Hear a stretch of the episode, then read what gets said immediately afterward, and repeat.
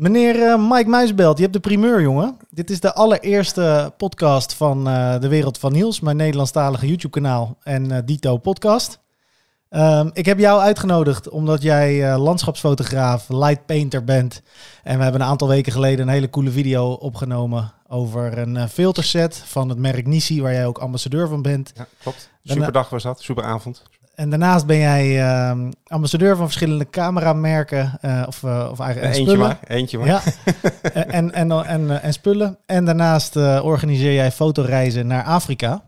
Groepsworkshops in Nederland nog. Eh Manusje van alles eh, noem ik mezelf Ja. altijd. Ja. Welkom man.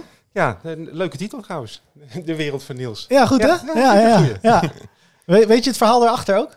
Eh, nee, uiteraard nou, niet. Nee, eh, ik, ik, daar vandaar. Ik denk van, hé, wereld van Niels. Ja, precies. Nee, ehm, ik ehm, eh, zat altijd bij de politie. En toen ik nog in Amsterdam werkte, toen was ik eh, me er heel erg van bewust dat ik mijn werk als rechercheur niet moest verenigen met mijn werk als fotograaf. Dus ehm, die twee werelden die hield ik heel erg eh, Mhm. van elkaar gescheiden. Ja, daar weet Om- ik van je. Ja, Dat omdat is- ik bij de recherche deed ik wat, eh, wat stiekemer werk. En als fotograaf trad ik wat meer juist de social media kant op. En ik had heel erg zoiets van, oké, die, die werelden die hou ik gescheiden. En ja, het is wel allebei is het onderdeel van wie ik ben. Maar het, het blijft wel heel erg van elkaar afgescheiden. Mhm. En toen ging ik een half jaar geleden in Rotterdam werken bij de politie als contentmaker. En dat was eigenlijk voor het eerst dat mijn werk als fotograaf, filmmaker samenkwam met mijn werk als, eh, eh, als eh, politieagent. En toen heb ik dus ook zoiets gehad van, oké, nu is het eigenlijk voor het eerst dat alles met elkaar samenvalt. Ja, eh, verbonden ook. Van Verbonden. tot avonds En toen dacht ik ook van, laat ik dan ook dat YouTube-kanaal De Wereld van Niels noemen. Ja. Omdat het nu, en we mogen eh, vertellen dat ik politieagent ben en over dat werk praten, maar ook vooral hè, natuurlijk over mijn, mijn fotografiewerk. en dus de mensen die, eh, waar ik nou ja, tegenop kijk of wat van kan en wil leren. En daar ben jij zeker eh, er één van. Hm, nou, dankjewel. Dus welkom. ja, nee, hartstikke tof eh, dat ik er ben. Heb ik iets En, eh, eh, in de introductie gemist? Eh, nee, ik denk het niet. Ehm, wa- wa- wat, ik, wat ik van mezelf ook al zei, is ik ben inderdaad een manusje van alles. Dat heeft er altijd wel een beetje in me gezeten. Mhm. Ehm, ik heb vroeger heel erg veel gereisd. ehm, zowel privé, maar ook zakelijk. Ja. Ik heb, kom met de horeca. En we vonden dat kennis opdoen in de horeca is ook heel breed. Dus we zijn naar Amerika gegaan. Londen was een hotspot. Uiteraard Frankrijk is een hotspot. Eh, dus dat maakte altijd een onderdeel uit van hoe ik vroeger eh, was. Fotografie ehm, was eigenlijk mijn uitlaatklep. In de horeca eh, vaak hele lange dagen. Werkweek van 80, 100 uur. eerder regelde een uitzondering. Ja. En de spaarse uurtjes die ik had, was een macro-lens op de camera. En dat maakt niet uit. Je hebt een plekje met wat schaduw erin en een torretje of een kevertje of een bloemetje. En je bent een uurtje zoet. Ja. En eigenlijk vanaf die ontwikkeling van macrofotografie, dan denk je van, oh ja, ik wil ook wel eens een keertje een, eh, een lange lens. En als je zo'n lange lens hebt, dan is het van, oh ja, we moeten wel gebruiken. Ja. Vogeltjes. Dus dan ga je een jaar lang vogeltjes fotograferen. Ja. En van het een komt het ander. Er komt een landschapskits bij. En, eh, dus ik heb door de jaren heen heel langzaam ehm, ja, een ontwikkeling doorgemaakt tot een hele brede fotograaf. Ik denk ook als ik eh, zelf reflecteer naar het werk wat ik heb gemaakt, of wat ik nog steeds maak. Ehm, ik heb niet echt een vaste identiteit, want ik vind heel veel verschillende dingen leuk. Ja. En dat gaat ook vooral die uitdaging die ik zoek in wat ik doe. Ja. Eh, ik ben heel snel verveeld eh, met, bepaalde technieken of zaken. Dus ik probeer mezelf steeds te pushen, eens een keertje wat nieuws te doen. Ja. En dat valt in de fotografie niet altijd mee, want er zitten zoveel creatieve geesten. En eh, ja, fotografen, eh, filmmakers, contentmakers. Dus Ja. eh, deels probeer je je eigen input te vinden. Maar deels, ik, ik wil niet achteroverleunen. En zeggen van, oké, dit kan ik goed en hier blijf ik in hangen. Dan denk ik van, als ik iets goed kan, dan denk ik, oké, hoe kan ik nog beter worden? En door, ja. Ja. Ik zie altijd, ehm, voor mijn gevoel zijn er altijd twee typen mensen in fotografieland. Ehm, de, aan de ene kant heb je de karakters die heel erg van de techniek zijn. Omdat fotografie is natuurlijk voor een heel groot deel ook gewoon natuurkunde Ja. en, en eh, technische aspecten en cijfertjes en berekeningen. Ja. Ehm, en kan je ook heel erg eh, vanuit analyse bepalen hoe het licht valt, met name in studio settings en dat soort dingen. En dan heb je aan de andere kant de creatievere geesten die eigenlijk meer kijken naar het gevoel of de menselijke kant of het verhaal. En alle technische aspecten zijn meer een middel om dat, om dat te Mhm. bereiken. Als we die twee op een weegschaal leggen, hoe, hoe zit jij dan in die, in die, in die verdeling? Ehm, ik moet de techniek beheersen. Als ik de techniek niet beheers, kan ik nooit aan eh workshopdeelnemers uitleggen eh, hoe een beeld tot stand komt. Maar ik laat mezelf altijd leiden in wat ik zie. Dus ik word getriggerd door een lichtval. Ik word getriggerd door bepaalde mogelijkheid tot de compositie. En als ik dat heb gezien, ehm, ga ik vervolgens de techniek aanwenden om de foto geslaagd te maken. En de techniek kan zijn ja, gebruik van diafragma, eh, gebruik van een bepaald brandpuntsafstand, eh, gebruik van filters erin. Mhm. Maar ik word ten eerste getriggerd door eh, het beeld zelf. Als het beeld er niet is, ga ik ook niet proberen ergens een beeld van te maken. Nee. Dus ik, ik, ik fotografeer deels vanuit gevoel. Eh, Ja. Ik moet er een emotie bij hebben van hé, hey, dat raakt me, dat wil ik vastleggen. Eh, ik wil dat delen met andere mensen.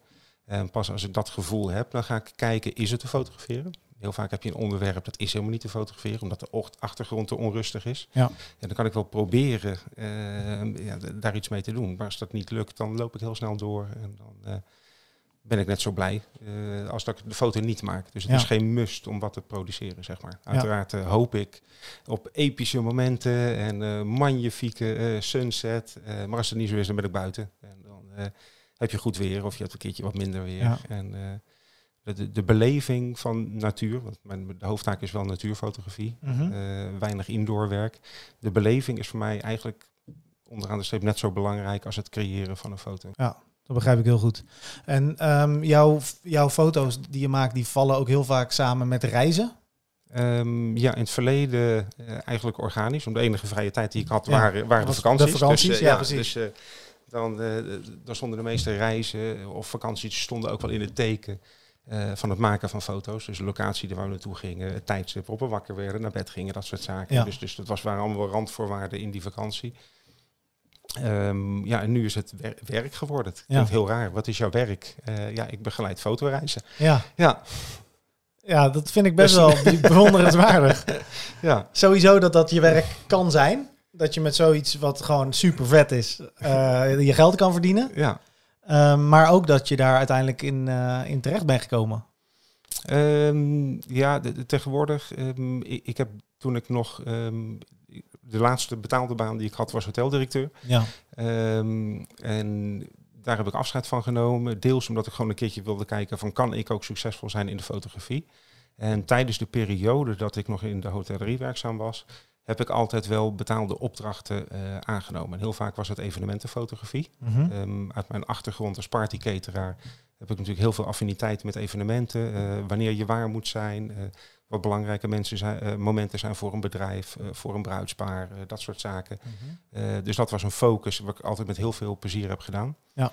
Ehm, en daarna is, is eigenlijk ehm, dat afgezwakt. En stokfotografie was in die periode nog iets waar veel fotografen eh, mee bezig waren. Je nog geld in kon kon je verdienen, nog eh, ja. geld verdienen met stokfotografie. Nou, die, die slag heb ik gemist. Ja. En op dit moment ligt mijn focus daar ook helemaal niet. Ik, ik, ik nabewerken moet, maar ik, mij doe je geen plezier met een halve middag of een avond of een hele week achter de pc. Dus Nee. stokfotografie niet. Dus wat doe je tegenwoordig als fotograaf? Eh, workshop geven, Ja. Reizen begeleiden, eh, af en toe wat lezingen naar fotoclubs. Eh, ik doe relatief veel privé-workshops. Mensen die makkelijker één op één eh, leren. Ja. Dus daar ga ik heel gericht één bepaald onderwerp met ze aanpakken. Ja. Ja. En wat voor fotografen of wat voor mensen komen bij jou? Wat, wat voor mensen zijn jouw klanten of studenten? Het is heel breed. Ehm, de- de- ik geloof in samenwerken. Ehm, Mhm. Dus een van de eerste zaken die ik heb eh, gedaan toen ik de kans kreeg, was het oprichten van een fotografenplatform. Eh dat is Photo United. En met name Photo United geen enkele link naar de natuurfotografie. Eh, terwijl ik dat zeg, denk ik van we zijn nu met z'n vijven. Ja. En eh, er zijn vijf natuurfotografen. Oh joh, ja, Ja. serieus. We, we willen heel graag uitbreiden en het platform groter en breder maken. Want wij denken dat fotografen van diverse disciplines van elkaar kunnen leren. Ja, Ehm, en zelf wil ik ook elke dag weer opnieuw bijleren. ja, Daarnaast denk ik ook dat alle fotografen die ehm, interesse hebben in de fotografie, ehm, bepaalde fases doorgaan. Op een gegeven moment wil je wat technischer, dan wil je wat eh, creatiever, eh, dan wil je eh, verhalen gaan vertellen. En ik denk daarom ook dat ik alleen die service niet kan bieden, want iedereen is expert ergens in. Ik ben toevallig expert in lightpainten. Ehm, Bart van Engeldorp Gastelaars is, is expert in storytelling. Dus, dus ik verwacht dat mensen die bij mij een bepaalde techniek hebben geleerd, vervolgens een overstap gaan maken eh, naar hem. Of Ja. juist iemand die denken van, eh, nou dat storytelling vind ik leuk, dat beheers ik nu. Maar ik heb een bepaalde techniek nodig en die kan ik weer bij die fotograaf vinden. Dus wij hopen echt dat het platform eh, groter wordt en gaat bloeien. En dat we ja, door samenwerking kwalitatief goede workshops kunnen bieden. En om dan even terug te komen op jouw vraag, wat voor type mensen komen er? Heel divers, van mensen die echt op zoek zijn naar bepaalde kennis, eh, naar mensen die bepaald zijn naar een bepaalde diersoort. Denk aan workshop eh, bo- boomkikkers fotograferen. Oké. Ehm, of denk aan mensen die gewoon hele mooie foto's mee naar huis willen nemen. En dat zie ik helaas wel eens bij mijn light paint workshop. Dan, eh, heel vaak, het is een proces wat ik op zijn avond met ze doorloop. Ja. Van, van veel omgevingslicht naar pikken donker buiten.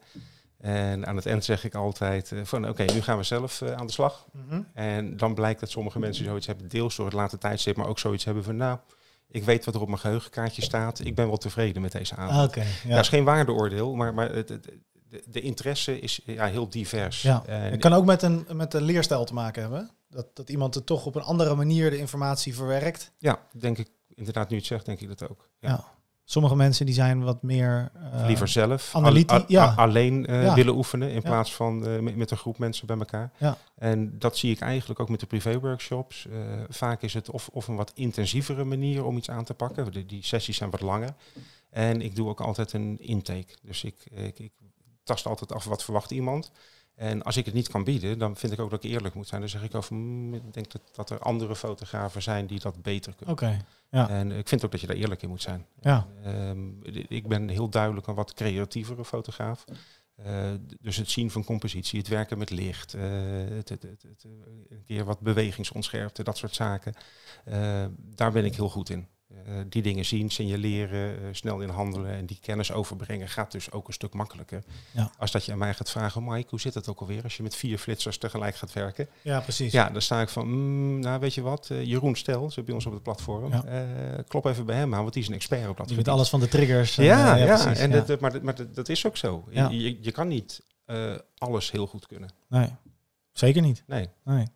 En wat maakt in jouw eh, beleving een goede fotograaf?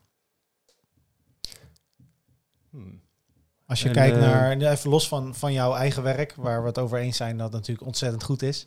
Maar als je kijkt om je heen, wat zijn dan dingen die fotografen doen waarvan jij zoiets hebt van, ah kijk, hieraan zie ik dat dit een Ehm, goede fotograaf is. Ja, ik, ik denk, eh, waar, waar ik altijd heel veel bewondering voor heb, is als mensen kunnen vasthouden aan, aan een stijl die ze zelf hebben ontwikkeld, eh, daarin verder gaan en op een gegeven moment raak, je, raak je bekend met hun portfolio, met hun werk en ineens een half jaar later verrassen ze je. Dan denk je ineens van, hé, hey, het is nog steeds jezelfde stijl, maar je Ah, hebt ja. nu wat toegevoegd of, of je bent daarin verder gegaan.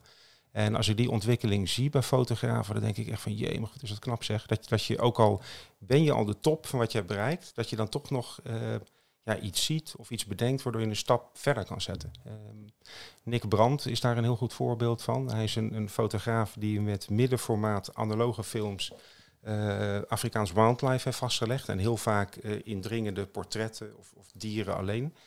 Ehm, daar heeft hij een heel mooi boek van uitgegeven. Dan denk je van, nou, echt topwerk. Toen heeft hij een iets mindere uitgave gehad. Maar daarna is hij teruggekomen. Toen heeft hij die hele, die hele grote werken heeft hij afgedrukt op doeken van 4 bij 5 meter. En die heeft hij vervolgens in de natuur gezet, eh, geplaatst en die opnieuw gefotografeerd. Ah, cool. Maar er stond bijvoorbeeld een, een, ehm, ja, een groep chimpansees op een vuilnisbelt. eh, werden ze als doek neergezet. Van ja, eh, vroeger woonden ze hier en nu is een vuilnisbelt geworden. Oh, zo, ja. Du- Dus ja heel, heel ja. confronterend. Ja, precies. En hij is nu in zijn, dat is allemaal zwart-wit werk. En hij is nu in zijn laatste boek, ehm, en helaas zijn laatste weet ik, eh, is hij een stap verder gegaan. Hij heeft zijn camera eh, neergezet, heeft gewerkt met een cameraval. En op het moment dat hij in een bepaalde setting een dier had gefotografeerd met die cameraval, eh, bleef de camera staan. Toen heeft hij een hele ja, scène eromheen gebouwd, dus in een filmset. Eh, bijvoorbeeld een, een- viaduct eh ineens daarachter. En die weer gefotografeerd met behulp van licht. Dat was een kleurenserie. En eh, vervolgens alles weer afgebroken. ja, niks meer van over. Ja. En dat, daar heeft hij een boek van gemaakt. Maar je ziet heel duidelijk bij hem ja, gewoon, gewoon vakwerk. Ja. Dat is ook de enige fotograaf waarvoor ik ooit duizend kilometer heb gereisd. Die had een expositie in Berlijn. Oh, dus ja, ik dacht, ja, nou, ik moet naar Berlijn. Ja, ja. oké. Ik moet er naartoe. Ja. Dus hij, heeft, hij heeft echt fantastisch werk. Ja, cool. Dus er zijn wel eh, eh, ontwikkelingen die de mensen, fotografen in onze omgeving doormaken, waarvan jij zegt van kijk, dat is, Ja, dat zeker. is wel echt zeker. iets om, eh, Ja. om- ook om van te leren zelf. De- de- ik weet niet wat ik er zelf uit kan halen. Ja, wat ik zelf van mezelf heb, een soort van drive om te verbeteren. Die, die workshops lightpainting die ik doe, in, in principe waren mijn workshops vorig jaar waren goed. Ja. de, de reviews waren lovend, dus dan weet je dat je een product hebt wat goed is. Ja. Maar eh, ik probeer elke maand weer een paar nieuwe ja, hulpmiddelen te Ja. bouwen. Die bouw ik zelf. Elke keer een stapje, En een stapje ja, verder. ik probeer ook een keer een nieuwe beweging, een nieuwe soort van belichting. ja. Ehm, ik moet het voor mezelf ook interessant houden. ja, precies. Ehm, als, als ik ehm, merk dat ik in een sleur kom, eh, ja, dan gaat het energieniveau naar beneden. Dat wil ik niet. Nee. Dus eh, ik blijf ook voor mezelf pushen van een stapje verder. En flirt je dan ook wel eens met andere type fotografie? Denk je daar wel eens over na om gewoon bijvoorbeeld een heel stukje documentaire werk erbij te gaan doen met bijvoorbeeld een Rico GR of side om, maar wat te, om maar wat te noemen. Ik dacht, ik gooi hem Eh. onbewust even in. Ja. Of, eh, of eh, portretten. Nou, ik- ja, v- noem ik, het ik op. Heb, eh, maar- ik, ik heb, er zijn wel een aantal dingen die ik thuis heb staan, want ik ben nieuwsgierig. Ja. Dus ik experimenteer heel graag. Ehm, ik, ik heb een keer ehm, ja, geen, geen slechte serie gemaakt van bijvoorbeeld eh, mijn neef met zijn toenmalige vriendin. ja, En dat vind ik dan ook leuk om te doen. En Ja, dan werk ik ook met verschillende lampen. Ehm, ik, ik werk af en toe met eh, Letco eh, TL-lampen. Eh daar krijg ik de mogelijkheid mee om daarmee aan de slag te gaan. En die, dat, daarmee exper- me- experimenteren, mee Ja. aan de slag te gaan. Ehm, ja, dat vind ik ook leuk. Ja. En, en laten we eerlijk zijn, als je 30 jaar fotografeert, eh, licht lezen kan ik inmiddels wel. Ja. Ik, ik zie wel ehm, ja, een, een prettige belichting en niet prettige belichting. Eh, maar het fine-tunen van waar wil je de schaduw op iemand zijn gezicht hebben en wat doe je met, met een beetje schaduw onder iemand zijn neus, ja. eh, dat, dat soort zaken. Ja, dat is, dat, dat is het vakwerk. Ja. En ja, dat beheers ik niet. Nee. Maar ik vind het wel heel interessant om te kijken wat er gebeurt van daar een, een overpowered light source. Wat gebeurt er dan in de achtergrond? Hoe kan ik die achtergrond weer ja, omhoog halen of juist nog verder dicht laten lopen? Ja. Ehm, ja, die zoektocht die blijft, ja, maar dat denk ik, dat is toch fotograaf eigen. ja, dat denk ik wel. hebben. Ja, nee, Dit is, zeker. eh, zeker. Ja, als, je, als, ja, je als je een week iets hebt gedaan, dan wil je de week daarna wil je toch je, wat anders doen. Ja, absoluut. Maar ik, ik ben zelf echt gefascineerd door, door verhalen vertellen. En ik eh, ben inmiddels ook heel erg juist bezig met ook met allemaal YouTube-video's, maar ook met deze podcast. Is dat ik, ik, eh, ik vind het heel bijzonder om met jou te praten, dus in dit geval. En om jouw belevingswereld vast te leggen. Mhm. En om dat dan ook weer te delen met de eventuele mensen die hier naar kijken. Ja. En zo zie ik ook bijvoorbeeld mijn straatfotografie. Ik vind mij, als, je, als ik mezelf vergelijk als straatfotograaf met andere straatfotografen, heb ik nog zoveel te leren. Mhm. Uh, ik vind mezelf nog, nog niet een goede straatfotograaf. Maar het vertellen van het proces en het laten zien waar je tegenaan loopt, ja. dat vind ik zo'n fascinerend uh, onderdeel van, van die beleving. Dat ik nu merk ik dus aan mezelf dat ik daar dus heel erg uh, die nadruk op leg. Van, ja. Heel, ja, maar ik, ik denk, ik denk dat dat ook, uh, ik denk dat dat heel, uh, ja, heel leuk is en, en waardevol ook. Want um, heel veel mensen, denk ik tegenwoordig, zien niet meer hoeveel werk wij erin doen. En ik, ja. ik, ik, zag jou, laatst zag ik een video van jou voorbij komen. En dat beschreef je ook van uh, het lukt niet op een dag. En ja, die dagen ja. hebben we gewoon. Ja, uh, maar normaal gesproken delen we die dagen niet, want die foto's die worden nooit bewerkt. Die blijven op de harde schijf staan. Ja. Um, en, en, al die en, ervaringen die stop je eh, in, je, ja, in je rugzak. We worden er beter van. Je wordt dat er beter sowieso. van en je hebt die dagen ook nodig. Maar op, op enig moment dan denken ze van, nou, die Mike die maakt zulke goede foto's. En het gaat hem zo makkelijk af allemaal. Maar die zien niet hoeveel je hebt geïnvesteerd en hoe, hoe, hoe, ja. hoe erg je ermee bezig bent. En hoeveel je erover na hebt gedacht. En hoeveel missers je ook hebt moeten schieten om tot die goede plaat te komen. Ja, dat ja. En ik, dat ik, is natuurlijk ja, dat is heel leuk en heel bijzonder. Ja, ik ben redelijk, um, hoe zeg je, nee, ik, ik bewerk heel erg weinig van mijn eigen beeld. Ja. Uh, toevallig, um, er waren een paar dames bij mijn bezoek uh, voor een meet and greet, voor een Namibië-reis. En uh, uiteraard de, de geëikte presentatie van, joh, dit zijn de, de, foto's die we kunnen verwachten, de gebieden die we gaan bezoeken. Uh, maar daarna uh, vind ik het wel belangrijk om te laten zien hoe een dag is opgebouwd. En dat doe je eigenlijk door eventjes in het foldertje van die locatie te bladeren. Ja. En ik heb altijd, ik, ik, wist nooit iets, dus al die bestanden staan erin. En sommige dagen zijn het echt 300, 400 foto's. En dan heb ik een mapje oké. Okay. Een mapje oké okay is mijn bewerkte foto. Nou, en als er drie foto's in staan, zijn dat er veel. Dus Ja. heel vaak pak ik gewoon één foto en die is dan de beste van de dag. En, Ja. en, en nummer 4, 5, 6, 7, 8, 9, 10, daar ben ik vaak wat minder in geïnteresseerd. Ja. Ja. ja, ik vond het wel heel bijzonder om te zien ook. Want wij hebben, voor de mensen die dat niet gezien hebben, wij hebben een video opgenomen samen met een, eh, een filterkit. eh, die eigenlijk voor landschapsfotografie is, maar die is nu speciaal ontwikkeld eh, voor de Ricoh GR. Ja. Wat eigenlijk een, video, een, een, een camera is voor straatfotografie. En wat ik heel leuk vond om jou daarmee aan het werk te zien, is dat de manier waarop jij fotografeert, zorgt er ook voor dat er niet heel erg veel eh, te, na te bewerken is omdat het in de camera er al zo goed en natuurgetrouw uitziet. Ja, ik vind dat daar moet je wel naar, eh, tenminste dat moet, niks moet natuurlijk. Nee. Iedereen moet fotografie vooral op zijn eigen Ja. manier beleven. Eh, maar, maar voor mij is dat wel een, ja, het uitgangspunt. Ik, Ja. ik wil het in de camera zo goed mogelijk krijgen. En wat ik thuis, mijn workflow is heel makkelijk. Eh, voor de mensen die nabewerken, eh, ik, ik kijk heel vaak hoe is mijn histogram opgebouwd. Vaak zit er geen wit punt, geen zwart punt in. Dus ik zorg dat mijn foto een wit punt, een zwart punt krijgt. Eh, soms heb je een, een, toch een soort kleurzweem, dan wel door reflecties, dan weer door een blauwe lucht, dan weer door te veel groen in de achtergrond. Dus ik haal een kleurzweem eruit. Ja. En ja, vanaf daar ga ik contrast aanpak, aanpassen en, en kleuren bekijk ik altijd op individueel niveau. Dus stel dat ik een eh, mooi fris groen heb in het voorjaar, dan wil ik alleen het fris groen wil ik een klein beetje meer accentueren. Eh, maar laat die, die bladeren maar gewoon lekker een beetje muted. Die hoeven niet voor mij heel eh, ja, verzadigd bruin te worden. Nee. Dus ik probeer weinig te doen. Ehm zal ik het zeggen, zal ik het niet zeggen? Ik ga het gewoon zeggen. Nee, nee, nee, nee, ik, ik, ik vind het jammer nu. Toevallig heb ik een stuk geschreven vandaag voor, eh, eh, voor Pentax Europa. Mhm. En eh er was ook zo, wat vind je van de hedendaagse fotografie? Ja. En ik vind nog steeds fotografie, het mooiste vind ik nog steeds een print in mijn handen hebben. Ja. Gewoon de papier, je voelt het. De lichtval verandert een beetje als je ermee draait.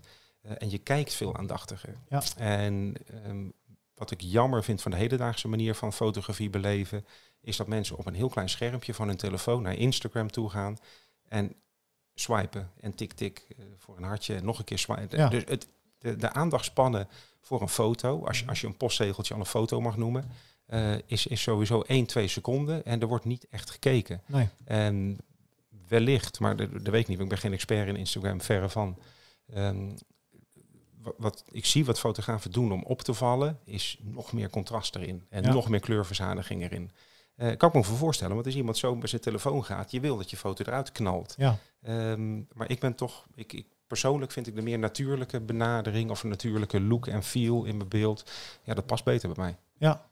Ja. Ja. ik denk in die zin dat het een niet eh, beter of, of, of slechter is eh, dan het ander. Als, ik vind namelijk dat de nabewerking... ehm, kijk, je bent vrij om de, de foto's te maken die je wil maken. En je bent ook vrij om die foto op een manier na te bewerken zoals jij hem na wil bewerken. Ja. En zelfs als je zoiets hebt van ik wil die foto aan helemaal niemand laten zien, want ik vind hem mooi en daarmee eh, is het klaar, dan ben je daar ook helemaal vrij in. Ehm, en ja, zoveel mensen, zoveel eh, meningen en belevingswerelden natuurlijk.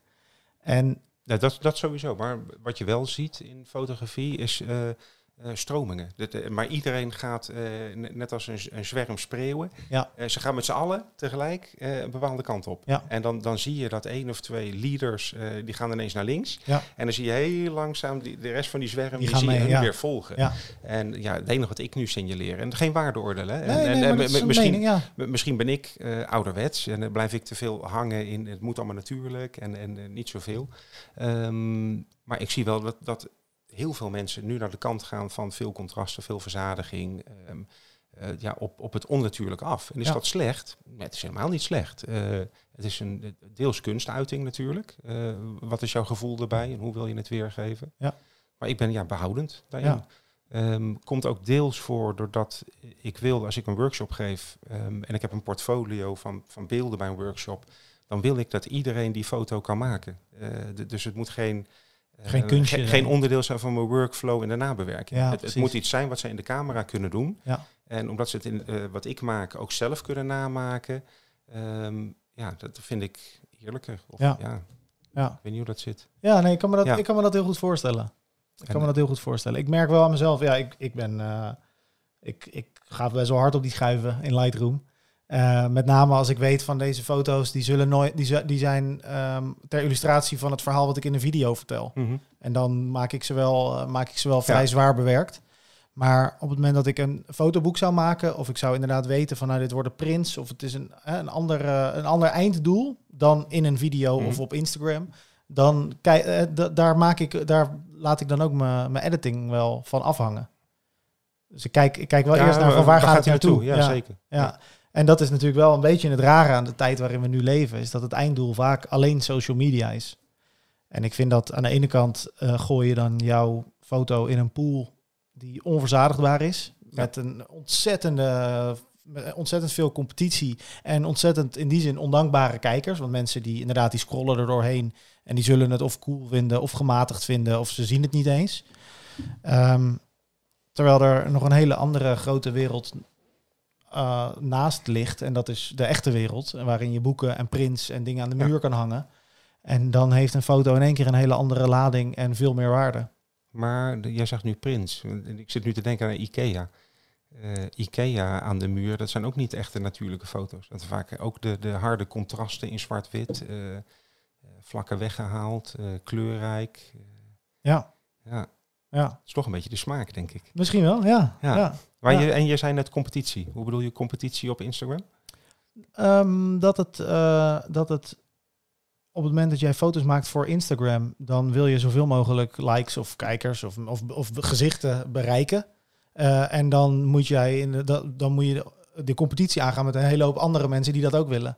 Ja, het is zo hoor. Ik bedoel, ja, Ja, weet het- of weet maar, ja, Ja, maar, nee, maar maar vind je dat niet gek klinken? Dat, dat, dat iets waar je van houdt, eh, eh, iets waar je passie in is en waar je vrolijk van wordt, het creëren van foto's, het vastleggen, eh, dat je dat vervolgens gaat gebruiken voor een wedstrijdje? Wie krijgt, Nou- de, wie krijgt de meeste likes? Kijk, het is, het is in die zin niet alleen een wedstrijdje. Het is ook. ehm, kijk, als je het bijvoorbeeld hebt met dit YouTube-kanaal. hè, op, de, op de dag dat we dit nu aan het opnemen zijn, is dat YouTube-kanaal is nieuw. En volgens mij heb ik ongeveer 150 abonnees. Oh, dat zegt hij nu. Ik wil dat dat, Nou, er, ik wil dat, dat er meer worden. ja, precies. wacht maar, wacht maar. Het worden er meer. Het gaan er meer worden. Omdat ik vind dat je met goede content en leuke verhalen en interessante gasten eh, eh, mensen kan binden. Eh, Dat mensen denken, oh wacht even, dit is wel cool. Deze gasten die hebben het over fotografie, die hebben het over ondernemen, dingen waar ik ook interesse in heb. Dus ik druk gewoon op die abonneerknop, want ik committeer me daaraan. Ja. En zo geldt het op, op Instagram bijvoorbeeld ook. Ik, ik, het, het werk wat die fotograaf maakt bevalt mij. Dus ik eh, ga die, Ja, ga die persoon volgen. volgen. Ja. Ja. Maar het feit dat er heel veel andere fotografen zijn die dat ook hebben, dat is eh, uiteindelijk is dat dan eh, zit, Ja, er, is- zit daar is een, een competitie-element in. En niet zozeer omdat er iets te, te winnen valt, of dat moet niet nooit het einddoel zijn. Maar je gaat wel op een gegeven moment nadenken van oké, hoe kan ik dingen, hè, hoe kan ik content maken wat mensen willen zien en willen blijven zien. Eh, ik ben het met je eens hoor. Ik bedoel, eh, het is voor mij uiteraard, eh, ik zie het niet als wedstrijd, maar ehm, ik zoek ook de bevestiging. Als ik een foto op social media zet, heeft dat ehm, uiteraard ook voor mij ja, de bevestiging dat andere mensen het ook mooi vinden. Ja. Vind ik ook leuk. Niet belangrijk, maar wel heel leuk. Ja, maar ik merk ook dat je moet met zoveel factoren rekening gaan houden. Post niet op maandag, want maandag is een slechte social media dag. Eh, post niet 's middags om drie uur, want dan is iedereen boodschap aan het doen. Eh, dus, dus al die momenten. ehm, maar ook wat je. eh, kijk, social media is niet voor niks social media. Mhm. En zelf ben ik niet zo'n hele goede social media persoon. Ik post wel regelmatig, maar ik het, het andere, het type van oh wat een gave foto, Ja. ehm, die moeite neem ik vaak niet. Nee. Omdat ik, ik heb een soort ja, rem erop. Ik doe 's morgens even een half uur, s'avonds even een half uur. En verder probeer ik gewoon andere dingen te doen met mijn dag. Eh, dus ja, in dat half uur, eh, als ik met tien foto's een verhaaltje ga typen, dan, dan kom ik niet ver. Dus Nee. heel vaak wil ik wel weten wat, wat mensen die ik volg doen. Dus heel vaak doe ik niet meer eens een hartje. Maar Nee. dat is natuurlijk not, social media is natuurlijk not done. ja, Zeggen ze dan weer. Ja, de- nee, ik de- snap de- wat je tenminste, heb ik me ja. laten vertellen. Ja. De- de- de- dus wil je scoren, dan moet je die sociale interactie moet je ook aangaan. Ja, ja, dat zou kunnen. Als je inderdaad echt dat spel op die manier wil spelen, dan moet je er, moet je er eh, heel, dan kost dat heel veel toewijding en heel veel tijd en, eh, en dat soort dingen. Ik denk alleen wel dat ehm, eh, er zitten twee dingen aan. Aan de ene kant denk ik dat eh, produceren voor social media een stuk gezonder is dan het consumeren van social media. Ja, denk ik zeker. En ik zit ook het liefst aan de makende kant in dan aan de kijkende kant. Ehm, en daarnaast moet je altijd in je achterhoofd houden dat het een hele gebrekkige vorm van communicatie is. En onder een bericht, uh, door discussiëren Mhm. over dingen, eh, de, de intentie van je verhaal komt niet goed over. Je begrijpt elkaar verkeerd. Je Ja, kan elkaar niet aankijken. Dus ik, ik probeer altijd weg te blijven van... eh, op het moment dat er een, een comment wordt geplaatst of weet ik het allemaal wat, waarvan ik denk, nou volgens mij als wij in het echt zouden zijn, dan zou ik bij deze het gesprek beëindigen. Want je Ja. toon, hè, dat is Ja, gewoon hè? onbeleefd of niet netjes. Dan kies ik ervoor om social media ook om het gesprek te beëindigen. Ja, ja, maar dat doe, ik doe het eh, eh, zelf ook. Ik probeer een mening op social media, probeer ik zoveel mogelijk eh, ja, niet te uiten. Want gewoon discussiëren zoals wij natuurlijk, of discussiëren, praten over onderwerpen, is gewoon veel beter. Ja, en, het is heel moeilijk, met name als het gaat om iets wat je, wat, wat, wat je met hart en ziel hebt gemaakt. En andere mensen die daar een mening over geven. Of over een, een discussie, wat eigenlijk niet eens een discussie is, omdat het, eh, jij hebt jouw beleving en ik heb mijn beleving. Dus als wij allebei met intentie om van elkaar te leren daarover willen praten, dan is het heel gezond. Maar op het moment dat het een soort van getouwtrek over de waarheid wordt, heeft het helemaal geen zin. Dat heeft in een gesprek al geen zin. Laat staan op, eh, in de comments op Facebook of weet ik het wat. Nee, zeker niet. En dat, eh, Ik, dat ik sta overigens zelf bekend in mijn, eh, mijn vrienden en, eh, en, en zakelijke kring ook, dat ik altijd de jongen ben die belt. Oké, Ik ben, ik ja, ben, ja, ik, ja. ja, ja, ja, ik ben, ik ben heel slecht in mailen. Ik bedoel, ik mail natuurlijk om Ja. dingen vast te leggen Ja. of even een afspraak te maken. Maar in plaats van het mailtje schrijven, pak ik veel liever de telefoon. Want ik vind die interactie, vind ik, maar goed, ik kom ook uit de horeca natuurlijk. Ik ben, Ja. ik ben een mensenmens. Dat is Nou, ik denk dat Ja. het heel gezond is. Ik denk dat het een hele... heel- ja, heel bellen. Ja, ja, klik. Ja. En ik denk dus ook dat, en daarom vind ik dus ook dit nieuwe platform wat we nu aan het, aan het doen zijn, een podcast. Ik vind het heel bijzonder dat mensen dus ehm, echt een gesprek kunnen meeluisteren. Want daarin, je, je hoort iemands intonatie, Ja. eh, je, eh, je, je, je gaat mee in iemands belevingswereld en je kan veel beter een gevoel krijgen over wat iemand nou echt wil. En wat iemand nou echt bedoelt. En op het moment dat ik jou zou interviewen en daarna maak ik daar een blog over of een, of een interview schrijf ik uit, dan kan ik daar heel erg zelf in sturen. Maar ook iemand die dat leest, die kan daar weer heel erg zijn eigen invulling aan geven. En daarom vind ik zo'n gesprek, vind ik, dat vind ik iets heel moois. Het is, eh, ik, ik vind het super tof dat ik mee mag doen. Dus, eh, ja.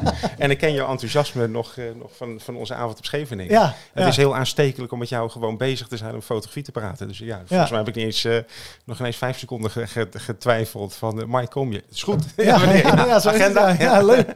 Leuk. Nou, bedankt ook daarvoor. Zo heb ik van jou een soort van gratis eh, landschapsfotografie workshop gestolen. Ja, maar ik kan het nog eens uitleggen. Nou, eh, geen probleem, geen Ja. probleem. Ja. Ja, mooi. Nou ja, weet je, en dat is gewoon, eh, dat zijn natuurlijk de mooie dingen ook, eh, die er een soort van secundair bij komen. Ja. Als je je in dat hele fotografie-landschap begeeft. Ja, maar ik, de- ik denk, eh, het, het is wat eh, nu je hier zo over praat. Ik denk dat die, die eh, zoals je het uitlegt ook, eh, heel vaak zijn het korte comments. eh, je weet niet wat de ander echt bedoelt. Eh, ik denk dat dit soort gesprekken echt een plek heeft in, in de fotografie. Ehm, ik hoop alleen dat mensen, maar dat gaan we zien waarschijnlijk in de statistieken, dat ze niet na tien minuten zeggen, nou, het zijn dat voor twee mafklappers daar aan tafel. het duurt te lang en het is het saai. duurt te lang, en weet waar blijven die Weet foto's je wat, nou? ik, ga, ik ga terug naar Instagram. Ja. Ja. Ja. Ja, voor ieder wat wils, toch? Absoluut, Ja. absoluut. Ja, Ja. mooi. Hey, ik zie twee dingen op tafel liggen. Kan je daar wat over vertellen? Ja, ja, daar kan ik wel wat over. De ene is een camera, de andere is een boek. Ja, mooi. Ja. Hey, bedankt man. ik vond het tof, leuk. hè?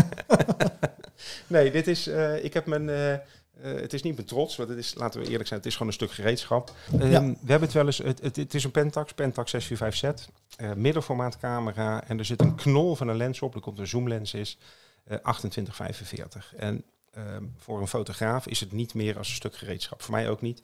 Ik slaap er niet mee, ik aai hem niet, eh, ik werk ermee. Ehm, maar eh, over kwaliteit. Ehm, ik schiet met Pentax voor, voor eh, één hele belangrijke reden. De meeste camera's zijn hufterproof. Ja. De weather sealing erin, regenwater, stof, zee. Ik spoel het thuis af en ik, de dag daarna kan ik er weer mee aan de slag. Ja, ja, ja. Ehm, maar sinds ik, Pentax was heel erg laat op het feestje met full frame. Ik heb, terwijl iedereen naar de full frame zat, fotografeerde ik nog met APS-C. Toen ik full frame ging fotograferen, ging er een wereld voor me open. Het dynamisch bereik, de meer mogelijkheden met scherpte, diepte. En eh, nu met een middenformaat camera zijn die mogelijkheden nog groter. ja. En eh, ja, vandaar nu eh, dit is mijn werkpaard voor alles wat met landschap te maken heeft. Deels ook macrofotografie, maar eigenlijk met landschappen. deze gaat uit de tas en giet je mee aan de slag. Ja. En hoe ben je, Ja. bij, hoe ben je zo bij Pentax terechtgekomen? Ehm, ja, door mijn vader. Die fotografeerde met Pentax. En ja, ik denk met zoveel eh, jonge jongetjes. Ja, Je krijgt het afdankertje van pa. ja is En grappig. eh, daar, daar zegt. ga je mee aan de slag. En eh, toen heb ik, ehm, ja, het was nog wel, toen heb ik daarna, denk ik, voor, voor, voor een verjaardag een camera gekregen. Daarna ben ik eigenlijk al mijn vakantiebaantjes, ehm, heb ik geïnvesteerd in, in cameraspullen. Ehm, op een gegeven moment wil je meer en meer wordt groter. Toen heb ik in de beginfase van eBay heb ik onwijs veel gehandeld. Ik kocht eigenlijk alles wat ik in Nederland kon vinden, kocht ik op. eh, aan bijzondere ge- gewilde lenzen, exemplaren en ja. bodies. En die verkocht ik allemaal naar Korea. Want in Oh, Korea joh. waren ze helemaal lijp nog. Oh, eh, dat was de ja. vraag heel, eh, heel hoog. Ja, en de pareltjes die hield ik zelf. Dus Ja. ik, ik heb zo mijn, mijn- ja, mijn, mijn- verzameling aan, aan spullen opgebouwd. Ja, en tegenwoordig bouw ik het juist weer af. Ja, Ik, ik ga terug naar een, eh, naar een eh, naar klein is het niet, maar eh, naar een meer overzichtelijke kit. Ik heb standaard een full frame camera, de Pentax K1. Daar heb ik bijna alleen maar zoomlensen bij. Als ik aan het reizen ben, een 1530 voor het extreme landschapswerk, een 2470, eh 70-200, 150-450. En in noodgevallen zet ik er wel eens een keertje een 1.4 converter tussen. Maar normaal gesproken gebruik ik ze gewoon zoals ze zijn. En heb je die 100 mm macro ook? Voor die Nee. full frame? Nee, ik heb, ja, ik heb hem ook. Maar de, de, mijn, mijn favoriete macro's zijn de, de Holy Grails in Pentaxland. De 200 mm, een A-star en een FA-star 200 mm. Ja, ja. die worden niet meer gemaakt, maar... Ja. eh, Die zijn zilvergrijs, eh, toch? Die ene is zilver, Ja, ja. En ja. ik heb me laten vertellen, van die ene zijn er ooit 700 exemplaren gemaakt, wereldwijd. Heel. En ehm, hij heeft eigenlijk, heeft hij de afgelopen, hoe lang ken ik Margreet? Eh Margreet is mijn vrouw, die, eh, ik had haar creditcard eh, in een grijs geleden nodig. Oh, Want hij, ze had hem in Zweden, Handig. een gloednieuwe. handig. Ik zei, schat, eh, ik zit een beetje krap. eh, mag ik eh, die van jou even gebruiken? Ja. En, eh, ja, dus die lens eh, toen aangeschaft, die is in de kast beland. En ik, omdat hij zo zeldzaam is, dorste ik hem nooit te gebruiken. En hij is toevallig drie maanden geleden uit de kast gekomen. Ja. Top. Die, eh, dus ik gebruik hem nu. Ja, maar ja, ik, had een, ik had een manual focus versie. En macrofotografie doe ik altijd. Ik gebruik nooit autofocus met macro. Eh, dus ik miste het ook niet. Maar die, eh, die manual focus 200 mm die ik heb, die ziet er inmiddels zo aftans, versleten en gebutst uit. Ja. Ik was op een workshop en iemand zei, waarmee fotografeer jij Ja, nou? ja, wat is dat? Ik zei, ja, dat is een macro lens, die is hartstikke goed. Ik zei, nou, volgens mij niet. Dat ik zei, nee, het gaat om het glas wat aan de binnenkant zit. De buitenkant is niet belangrijk. En, eh, maar goed, ik denk van nou, misschien is het nu wel een mooi moment om hem eh, de kast in te stoppen en die andere eruit te halen. Ja. Maar 200 mm. Ehm, en waarom, waarom is dat? Eh, als natuurfotograaf twee grote voordelen natuurlijk. De, de brandpuntsafstand, of tenminste de scherpstelafstand, is een stuk groter. Bij een halve meter. Als je met een 100 mm zou fotograferen, zit je op 20 centimeter. Mhm. En die 30 centimeter maakt echt een groot verschil voor, tussen een vlinder of een libelle die wegvliegt. Eh, of eentje die blijft zitten. Ja. Dus het geeft me gewoon meer werkruimte. Ja. En daarnaast heb ik zeker met laagstaande zon, eh, als je van achteren komt, wat minder last van mijn eigen schaduw die op het onderwerp Ja, valt. precies. Ja. Ja. Dus het, eh, voor de natuurfotografie is 200 mm, macro is, is beter. Ja, is lekkerder. Ja, precies. Grappig. Je gaat weer over hele andere dingen nadenken dan wanneer... Ja, het is, het is, eh, op een gegeven moment heb je door wat, wat lekker werkt. Wil ik, aan de andere kant wil ik meer vergroting. Soms wil je eh, wat extremere vergroting. Dan ga ik eh, eh, tussenringen pakken of een ballig apparaat. Eh, dan werkt het juist weer prettiger om een eh, 50 mm macro lens te hebben.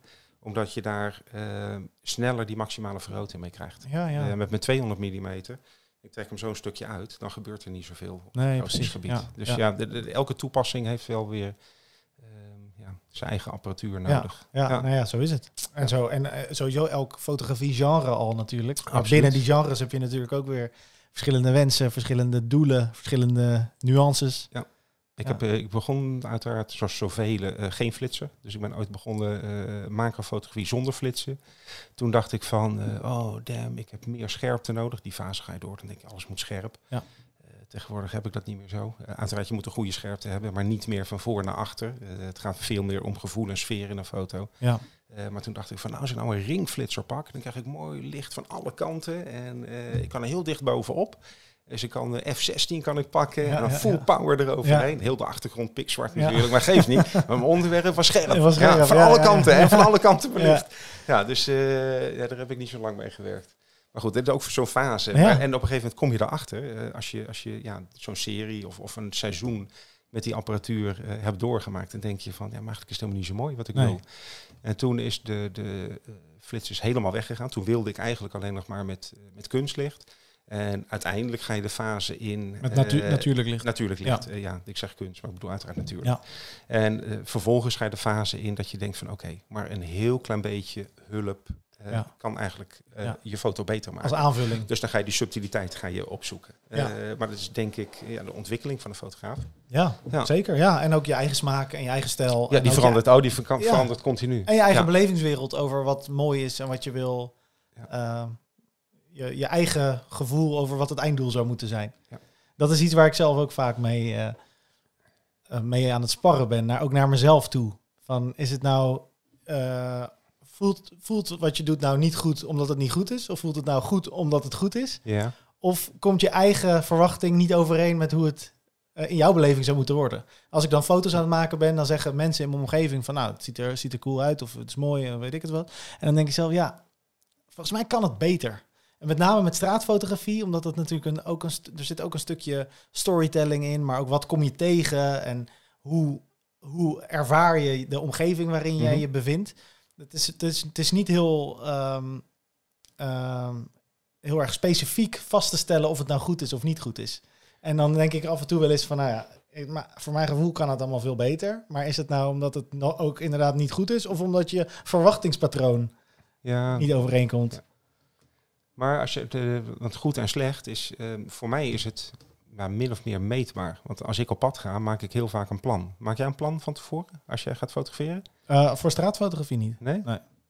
Nee. Je, je hebt niet, eh, dan is er een gave markt, ik ga dan de markt afstruinen. Of eh, Ja, ik kies wel ik, ik, locaties. ik, ik, wil, ik wil lange schaduwen in de stad hebben. Dus, dus ik ga eh, eh, op, op pad eh, ja, op het moment dat de zon laag staat. Nou, wat, wat leuk is, is dat eh, in die zin zeker. Maar wat het leuke, en dat is ook voor mij het interessante van straatfotografie, is dat je, je past je plan aan aan de om- omstandigheden. Dus op het moment dat het heel erg hard heeft geregend en alles is nat, ja, dan wordt mijn spiegelingen. En, eh, ja. precies. Op het moment dat het midden op de dag is en ik heb een uurtje vrij, de schaduwen, de contrasten, alles is hard, ja, dan gaan we dat gebruiken. Ehm, dus in die zin, ehm, ja, ik maak eh, eh, ja en nee. Ik maak zeker een plan, maar mijn plan eh, is niet. ja, verandert er wat je tegenkomt. Ja, uiteraard. mijn uiteraard. plan wordt, Ja. wordt, wordt precies.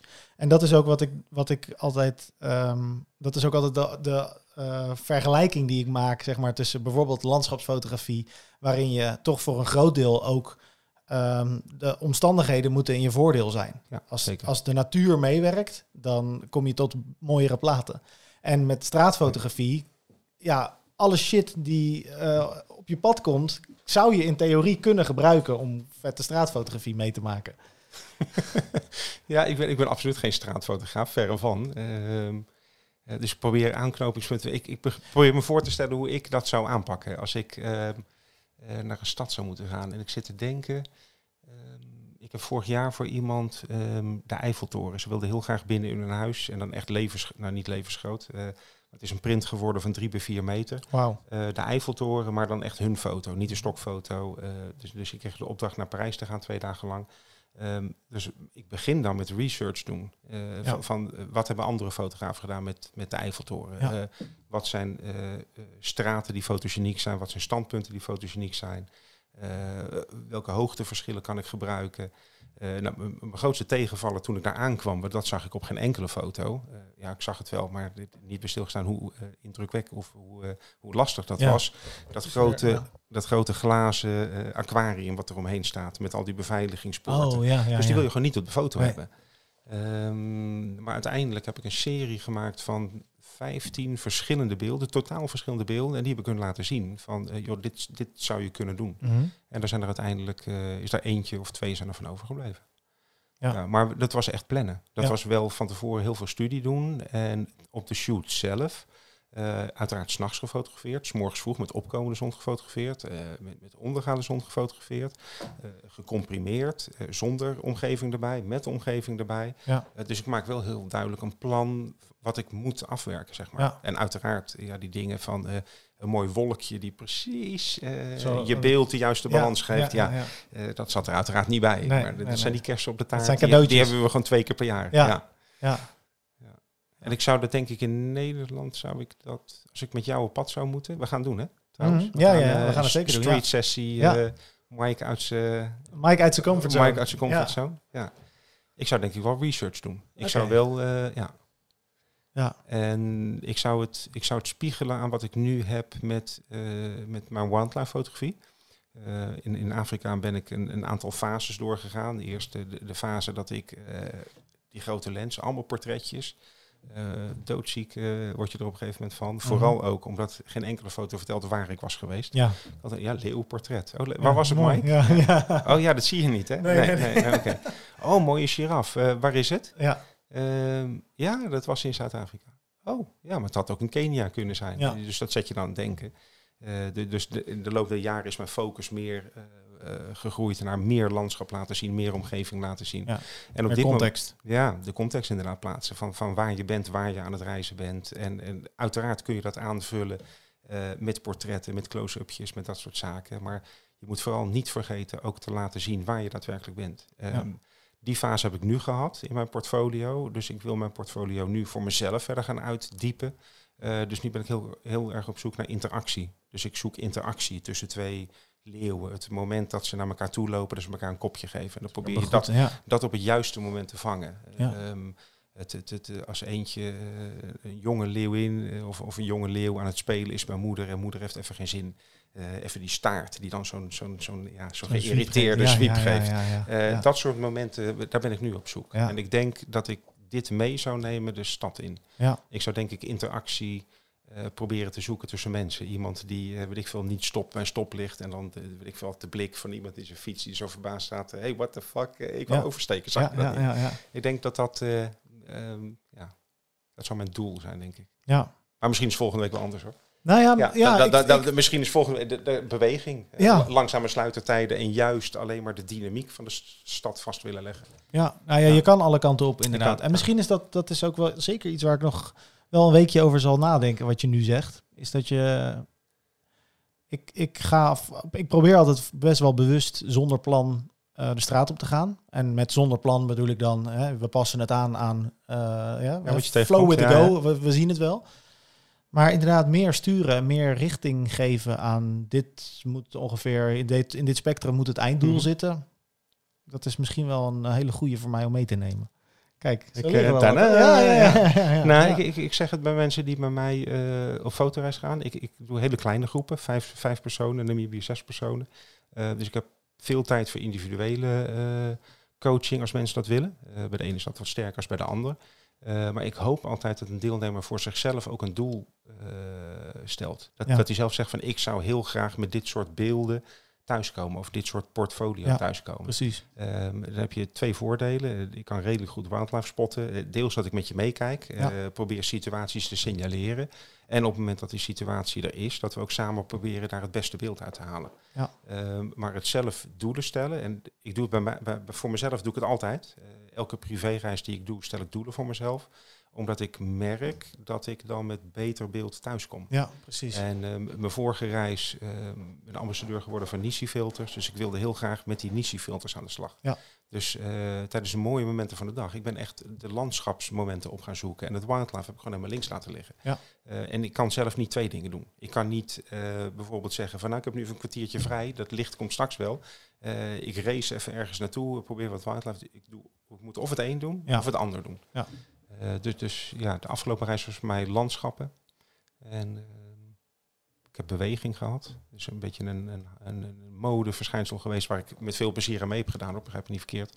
Eh, de, de penning, de Ja. beweging van de dieren, eh, vind ik nog steeds leuk om te doen. Ja. Maar niet meer zo extreem als vroeger. Maar toen was het echt elke mogelijkheid die je kreeg, was het van, eh, oh, daar gaan we weer. Klik, Ja, ja, ja, mee met de beweging. Ja, ja, kijk, ja. kijk. Oh, ja, ja, volgens mij is die wel goed. ja. Ja. Bijzonder, man. Target. Ja, targets. Ja, Targets, ja, ja. mooi. Klinkt heel zakelijk. Ja. Hey, waar ik ook even benieuwd naar ben, ook omdat ik daar zelf eigenlijk niet echt beelden bij heb, eh, maar zit er in landschapsfotografie en dan met name in, in Afrika ook een stukje ethiek waar je rekening mee moet houden? Als het gaat om eh, stroperij, als het gaat om het verstoren van de natuur, Ja, als het gaat om, en nou, ik, ik ken jou inmiddels best wel een beetje en ik weet dat jij niet iemand bent die de natuur gaat verstoren om zijn foto beter te maken. Maar eh, er zijn helaas natuurlijk een heel veel, ook gewoon een hele onbeschofte lui, die gewoon zoiets hebben van ik kom hier om wat mooie foto's te maken. Mhm. Hoe, hoe kijk jij daarnaar? Ehm, ja, hoe kijk ik daarnaar? Eh, variërend. Van eh, eh, verbaasd hoe iemand zo ja, egoïstisch kan zijn. of onwetend, laten we eerlijk zijn. Het hoeft niet bewust te gebeuren. Het kan ook gewoon zijn dat mensen gewoon niet goed zijn voorgelicht. Ja. Ehm, tot tot eh, nou, abs- absoluut niet onverschillig. Het, als iemand in mijn ogen ja, de natuur niet met respect behandelt. Eh, en dat kan zijn van eh, door de Galagadi heen rijden en daar een bierflesje zien liggen. Ja. Dan, dan eerst wat ik denk, hoe, hoe, hoe dan? Je Ja. komt er met de auto, je hebt het mee hier naartoe genomen. Ja. Eh, de dichtstbijzijnde afvalbak is inderdaad 200 kilometer verderop. Maar hoe haal het je in je hoofd om dan te denken van het ligt in de weg, ik gooi het maar buiten uit het raam? Ehm, en niet wetende, de, de- kijk, de zon ligt, hier in Nederland heb je het ook. In Frankrijk heb je het ook. Je gooit geen glas in de natuur. Want Nee. een verkeerde zonnestraal eh, betekent een fikkie. Ja. Eh, los daarvan, voor een fotograaf is het ook nog een keertje verstorend. Eh, je kunt het wel wegpoetsen, maar je wil het ook niet. nee. nee. Maar ik denk ook dat het deels onwetendheid is. Mensen die gewoon voor het eerste de natuur ingaan, niet anders gewend zijn. Van het huis uit niet, niet beter hebben geleerd. En ik, ik zie het ook, de zoutpannen bijvoorbeeld. Soms mensen voor het eerst hebben ze een 4 bij 4 Dus ik weet hoe, ehm, ik rijd zelf een 4 bij 4 hoe gaaf het is om een stukje off-road te rijden. Ja. Eh, maar ze beseffen niet, dat op het moment dat zij met hun auto door een zoutpan heen rijden, dat je tien jaar later die bandensporen nog steeds ziet. Ja. Ehm, en, en doen ze het expres? Hm, Ik denk niet dat de mensen het expres ehm, doen met, met het oog van we gaan wat vernielen. Ja. Eh, maar deels gewoon ja, niet erover nadenken wat je doet. Ja. En dat is wel jammer. Ja, dat is zeker jammer. En daarnaast denk ik ook dat er toch ook een hoop mensen zijn die ehm, een bepaalde verwachting hebben. Je betaalt een hoop geld om zo'n reis te kunnen doen. En ehm, dan, ja, ik, ik zal even een korte anekdote Mhm. geven van mijn vader. Ik, heb zelf, ik ben zelf nooit in, in die eh, regionen van Afrika geweest, dus ik kan er helaas niet uit eigen ervaring over meepraten. Mijn vader wel. En die was ook op een, op een wildlife eh, ja, reis. En die reed daar ook ergens in een mooi, volgens mij het Krugerpark of iets dergelijks. Ehm, en hij en zijn vrouw, die hadden, zij hadden gewoon zoiets van: oké, wij gaan gewoon hier genieten en Mhm. foto's maken. En we kijken wel wat de natuur ons brengt. We gaan ook niet vragen aan die guide van: nou, het zou wel leuk zijn als we een luipaard zien. Of oké, leuk dat we nu eh, dier X hebben gezien, Ja. maar wanneer gaan we door naar hè, kom- komen de leeuwen nog? Weet je wel? En die gids die gaf toen aan hun terug van: oh, wat, wat fijn. Ehm, en ik zie het ook niet zo vaak dat er dus mensen zijn die heel erg eh, eigenlijk de natuur de natuur laten. Mhm.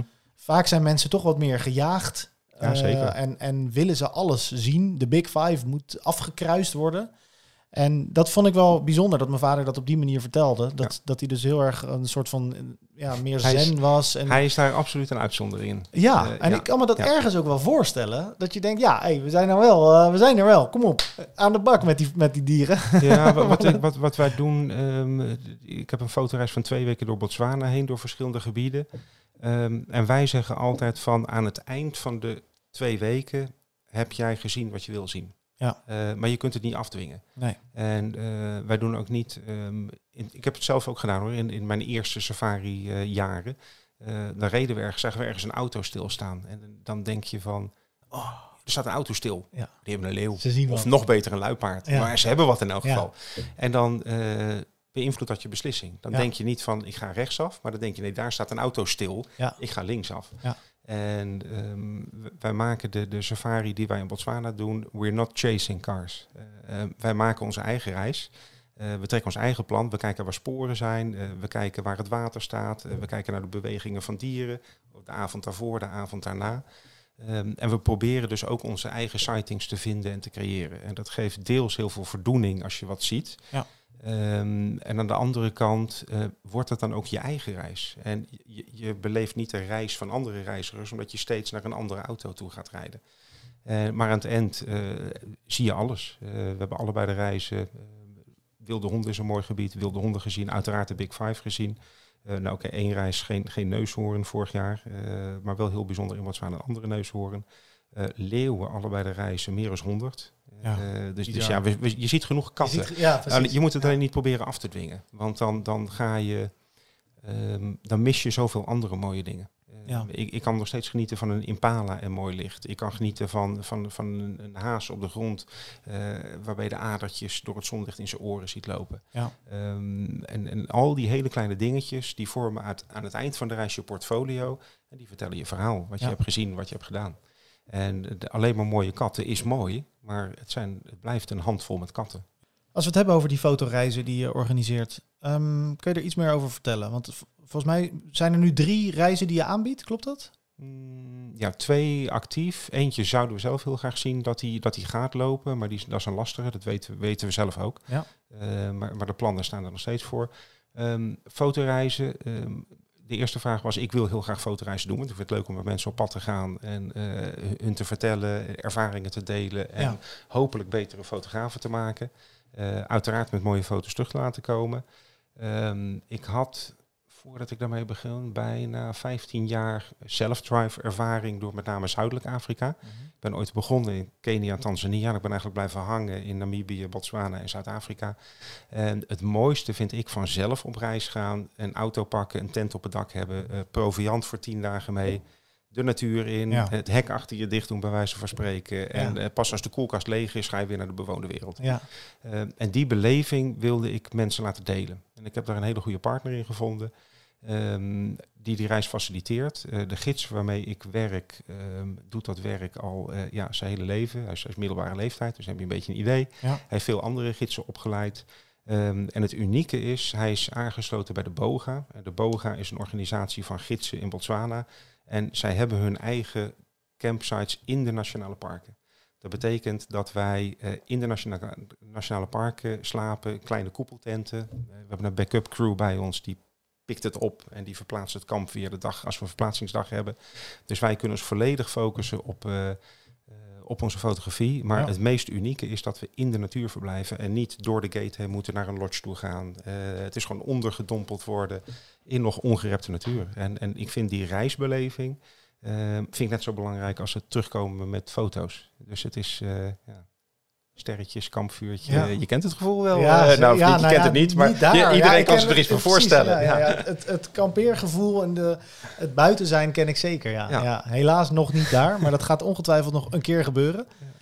Uh, ik heb een dochter van 2,5, dus ik moet heel even kijken hoe, hoe dat gaan, uh, gaan twee, twee, jaar wachten, een jaar of vier, vijf kan makkelijk. Ja. Mooi. Nee, dus dat, dat, is, uh, dat, is, dat is één. Dus de Botswana-reis. Uh, die, die begint in het zuiden, Central Kalahari, Moremi Game Reserve. Dat zijn de, de, de zijkanten van de Okavango Delta. Uh, Safuti en Chobe, zeg maar echt de highlights. En dan zitten we waar we willen zitten. de andere is een landschapsreis. dan gaan we naar Namibië. En dan pakken we de hoogtepunten, de landschappelijke hoogtepunten van Namibië. Ja. En die heeft ook een ander luxe niveau. We zitten daar gewoon in de wat betere lodges en guesthouses. Ja. Dus het zijn, het zijn twee verschillende uh, pijlers. En het, het moet er gewoon vaste waarde gaan worden, het assortiment, zolang ik het leuk vind. En ja. ik, ik, probeer het ook um, uh, ja, te temperen, zeg maar. Ik had uh, dit jaar was ik, ehm, als ik, als ik het zou hebben gedaan, was ik overboekt. Maar ik wil niet meer doen als twee, maximaal drie reizen per jaar. Ook al is de vraag groter. Ja, want je bent um, 24-7 min slaap coach in principe. Ja. Je bent heel erg engaged in het hele proces. En er zijn mensen, tenminste, dat kan ik me zo voorstellen, die ook uh, eigenlijk constant, of wanneer het moment ervoor is, eigenlijk ook vragen hebben en interesse in je verhalen. En dus ik kan me voorstellen dat je heel erg aanstaat, constant. Uh, nou, je bent in ieder geval alert. Je bent alert uh, op het moment dat iemand wat wil vragen. Dus je, en, en uiteraard ben ik sowieso bij elke game ben ik alert van zie ik fotografisch wat interessant. Ja. Dus ik probeer, probeer zoveel mogelijk um, wat ik zie te delen. Uh-huh. van joh, let daarop. En ook valkuilen probeer ik vooral te delen. Van joh, um, noem maar wat. Toevallig ik het vandaag eh, met iemand erover, over het fotograferen van portretten. Ehm, hij zei van, stel dat je twee personen hebt die samen op de foto moeten. En je hebt een diafragma van f2.8. eh, dan is je model is heel mooi scherp. Alleen die tweede persoon die erbij komt staan, als je daarop inzoomt, zie je vaak dat zijn ogen niet scherp zijn. Mhm. Omdat gewoon je niet genoeg scherpte diepte Ja. hebt. En dat soort dingen proberen dus ook te signaleren als dieren interactie met elkaar Ja. hebben. Dan zeg ik van, hé, let even op. Die welp die daar voor de moeder ligt, Ja. eh, daarvoor heb je gewoon even een diafragma nodig. Wat bij wijze van spreken F7 is, F8 is. Eh, dus maak voor jezelf ook even een diafragma trapje. Ja. eh, zodat je ook kan kiezen, wil je ze allebei scherp hebben. Verleg je focuspunt eens een keertje, dat hij niet precies op het oog ligt, maar bij wijze van spreken ietsje erachter. Dan heb je nog, krijg je nog wat meer scherpte diepte in je beeld. Ja. Dus dat soort vuilkuilen, daar probeer ik heel erg in te coachen. Ja. En als ik wat zie, eh, dat je een low-key of een high-key kan maken, of, of als een dier eh, naar mijn verwachting een bepaalde lijn gaat lopen, kun je daarop anticiperen en zeggen Ja. van nou, als we geluk hebben, loopt hij daar naartoe. En eh, zoom even ietsje Ja, meer uit. daar, je Eh, ziet pak, al pak dit gedeelte mee. Ja, en, precies, ja. Let er even op, het dier is licht, de achtergrond is donker. Pas alvast je belichting even aan daarop. Eh, ik ben nog een beetje oude school. Eh, wij hebben dus een spiegel, dus wij moeten een beetje voorstellen hoe dat beeld gaat worden. Ja, ja. Eh, al die mensen met mirrorless, die, wat lul jij nou? Ja, dat precies, is. Mike, dat zien we toch gewoon. Ja. Dus ik ben nog een beetje, het gaat, gaat bij, mij, bij mij nog een beetje anders. Ja. Ja. Maar ik kan me wel voorstellen dat het, een, dat, het een, dat het best wel een intensieve trip is op die manier. Ehm, Of is het wel ook iets wat Nou, je op een gegeven moment bent en zijn het wel echt de momenten waarop je met fotografie bezig bent en is er ook wel ruimte om... ja, het, het, het is intensief. Word je ook wel met rust maar- gelaten af en toe? Nou, het is niet intensiever als ik in de horeca gewend ben. Maar wat ik wel heel belangrijk vind, is dat ik weer opgeladen ben voor de volgende groep. Ja. Dus ik heb altijd vijf, zes dagen eh, vrij tussendoor. Ga ik ook niet terug naar Nederland, blijf ik gewoon daar. En dan, eh, ja, dan werk ik even mijn werk thuis bij, maar op een rustig, eh, rustige manier. Ja. Ik slaap even wat bij. Ik Ja. zorg dat mijn kleding weer schoon is. Ja. Ik de- de- we gaan toch even met de gids. Ik, de- eventueel waar nodig maken we een kleine aanpassing. En eh daar gaan we weer. Ja, Dus precies. eh, ja, Ja. die rust heb je wel nodig, want je kunt niet continu doorgaan. Nee. En ehm, wat ik wel zie bij deelnemers, en dat is eigenlijk ook logisch, omdat je van 's morgens vroeg tot 's avonds laat tot en met het eten bij elkaar zit, eh, merk je ook dat aan 's avonds had ik echt nog, is groepafhankelijk hoor, maar plannen van zullen we vanavond nog even de melkweg doen of eh, zullen we nog even wat de sterrenhemel, zullen we gaan lightpainten bij wijze van spreken. ja, En dan heb je toch mensen, ja, pff, de dag was lang genoeg hè. ja, En, ja, ja, ja. en dat is mijn fotografie. ehm, hoe zeg je dat? Ik sta altijd aan met fotografie. Je- je- ik, heb als, joh, ik ben hier nu. En over een maand ben ik weer in Nederland. Ja, dat enthousiasme. Dat ja, ik moet, ja. ja. Maar dat is voor iedereen anders natuurlijk. Aan de ene kant zeker. En aan de andere kant is denk ik, eh, als je aan de lerende kant van dat verhaal bent, Mhm. als je al die informatie tot je moet nemen, dat is misschien nog wel veel vermoeiender dan wanneer Ja. je er gewoon over moet praten en het gewoon laat zien. Eh, de, de technieken die jij benoemt, die heb je al paraat. Ja. En als je overal over aan het nadenken bent, dat is wel, eh, dat is wel heel intensief natuurlijk. Ja, ik, nee, ik weet ook hoe het is hoor. Ik heb, volgens mij heb ik twee jaar geleden. Voor het eerst hadden we eh, twee dagen waar ik niet kon fotograferen. We zijn gewoon naar een lodge gegaan, dat viel helemaal niks. Dat was alleen Ja. maar relaxen, Ja, eh, verwend worden en een zwembad erbij. ja, En ehm, toen weet ik nog, dat zijn weinig gedenkwaardige woorden. Oh, dit is ook wel lekker. Een keer een dag niks doen. ja, dat mag ook wel eens. Ja. Ja, ja mooi hè? Ja. Hey, ik zie dat jij ook nog een boek eh, hebt meegebracht. ja, dat was eigenlijk een beetje van, ehm, eh, wat, wat trek je? Het is van Pieter Beert. Eh, hij is dit jaar overleden, helaas. Eh The End of the Game. Ehm, ik zal hem eventjes voor jou, eh, de camera Ja. ziet hem toch niet. Ehm, maar ehm, hij heeft Afrika meegemaakt zoals het vroeger echt was. En kijk, dit, dit is een foto. Wow. eh, heel bizar. Wauw. Dit, kan niet meer. dit kan niet meer. Nee. Nee. Maar als je dit ziet, en, en daar begint hij dan mee. En maar verder zijn, zijn stijl van verhalen vertellen. En je ziet het als je er een beetje doorheen bladert.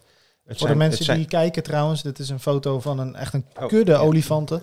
is- Ja, ik zal, ik zal, me, hem nee, ik zal me vinden, nog ja. wel even in, in, eh, in knippen hoor, daar niet van. Maar dat, eh, Ja, helemaal vol. Nou, en- wat je verder ziet. ehm, je ziet de personen die hij ontmoet tijdens zijn reizen. Je ziet de Man Eating Lions van Tsavo. Het is ehm, ja, gewoon heel erg ehm, ja, gefotografeerd vanuit gevoel. En Ja. je ziet ook het hele boek is opgebouwd vanuit gevoel. En het meest erger is, hij ziet het zelf ook al hoe het gaat met al die olifanten in het begin. ja. Eh, ook toen al. Dit is stroperij. Stroperij, Ja. jacht, eh, plezierjacht, eh, ivoorhandel. ja, blad na blad na blad van toen al hoe slecht het eigenlijk ging in. Afrika. Ja. Dus dit is, dit is Triest een boek, ook, eigenlijk, het, het is een relatief onbekend boek. Kijk hier, een, een heel kerkhof gewoon van olifanten. Zo. En dan. Toen is het eigenlijk al, eh, al begonnen. Ja. En rond, rondom welke tijd is dit geweest dan? Volgens mij heeft hij het eh, gemaakt in de 70s. Maar even in de colofon kijken. Die kan ik natuurlijk nou niet vinden. Nee, ja, ik... eh, Nee. Peter Beard, The End of the Game. Ehm, als, je, als je dit, dit ziet, en dan met name het contrast van het Afrika toen met het Afrika nu, ehm, heel bijzonder. En verder een begenadigd kunstenaar. Eh, dit is niet alleen Tussen foto, 1955 en 1965 is het, eh, heeft hij daar gezeten. heeft hij daar gezeten, ja. ja. Bijzonder, ehm, bijzonder treurig ook dat de wereld zoals die er toen uitzag, de, nu niet meer bestaat. Ja, de- daarom heb ik ook eh, urgentie. Ja. Ja, nee, ik zit ondertussen even te, te sturen. Ja, Ja. eh, nee, de, de wereld toen, ehm, of tenminste, ik heb urgentie nu om naar Afrika toe te gaan. Ja. Ehm, ik zie hoe druk het wordt en zelf doe ik er natuurlijk van harte aan mee. Ik zeg tegen iedereen hoe fantastisch het is. Ja. Eh, gekker nog, ik zeg kom vooral met me mee. ja. Ehm, maar je hebt ehm Kauai, het Kauai-gebied. Vroeger kampeerden we daar in de middle of nowhere. Er was niks. Eh, geen elektriciteit, geen water, eh nop nada. Je moest je eigen hout meenemen.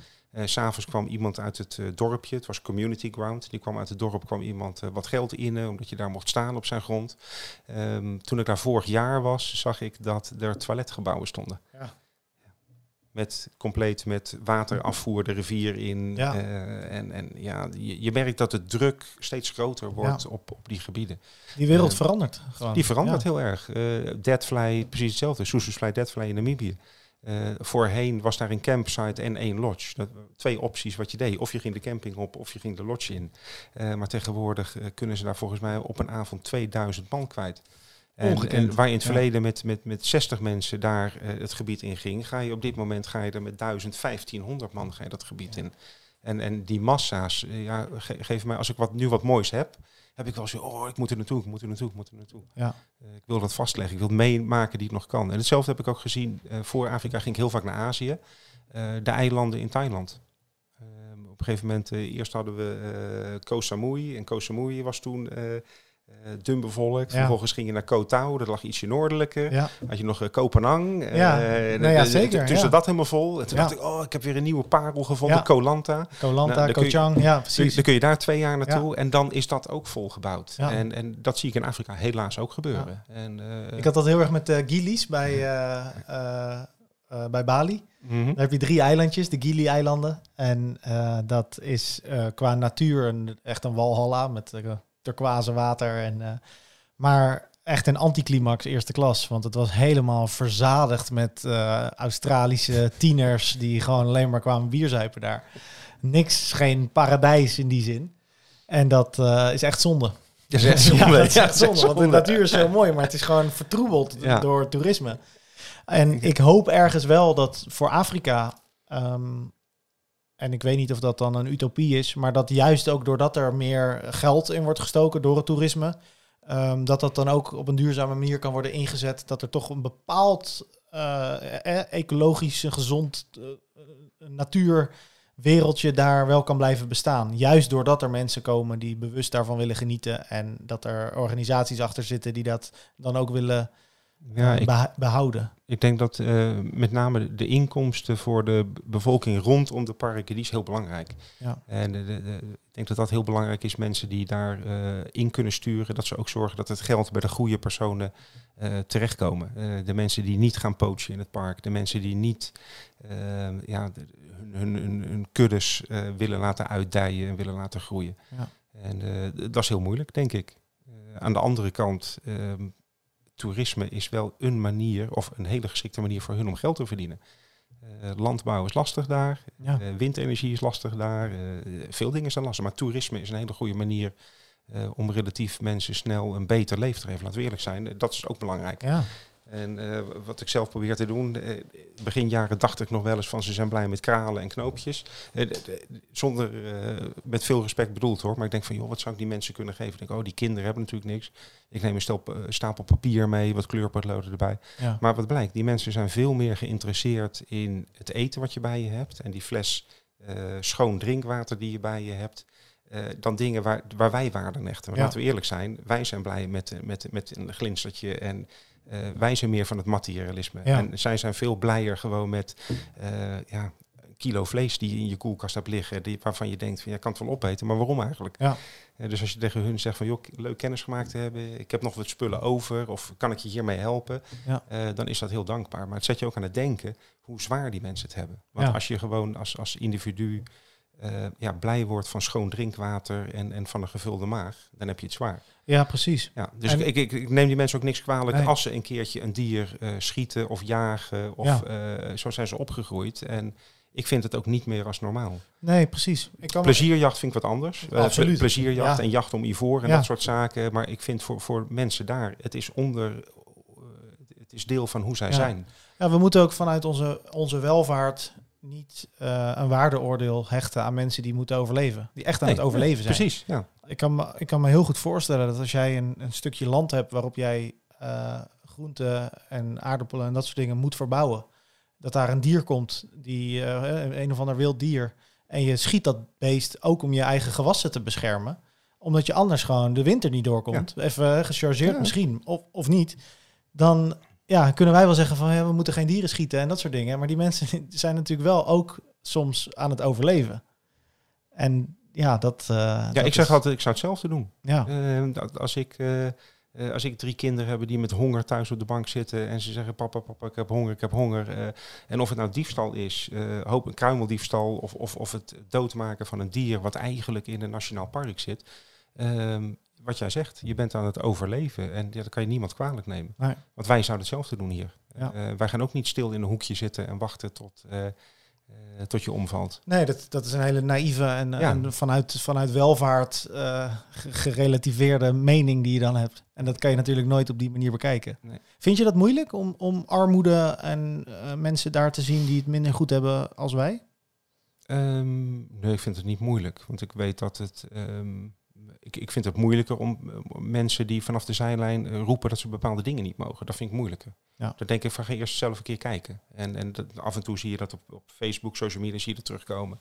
En eh, dan zie je weer van ja, mensen hebben dit en dit gedaan. Ehm, een olifant wordt doodgeschoten. En eh, de, de, de- in Namibië worden nu zes- 30 olifanten of 60 olifanten. Ik vind het ver- verschrikkelijk hoor. Het liefst heb ik gewoon dat ze beschermd worden, dat de mensen in de dorpen daaromheen dat niet hoeven.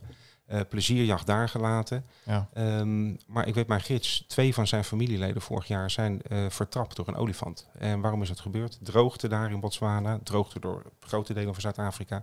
Dus die olifanten trekken de dorpen in, want dat zijn de enige plekken waar nog water is. Ja. En het blijft een gevaarlijk en wild dier. Ja. Ja, en als twee van jouw eh, familieleden om zijn gekomen door een olifant die agressief is geworden of kwaad is geworden of wat dan ook, ehm, dan kijk je heel anders aan tegen het preventief afschieten of uitdunnen van een kudde als dat wij op een afstandje doen.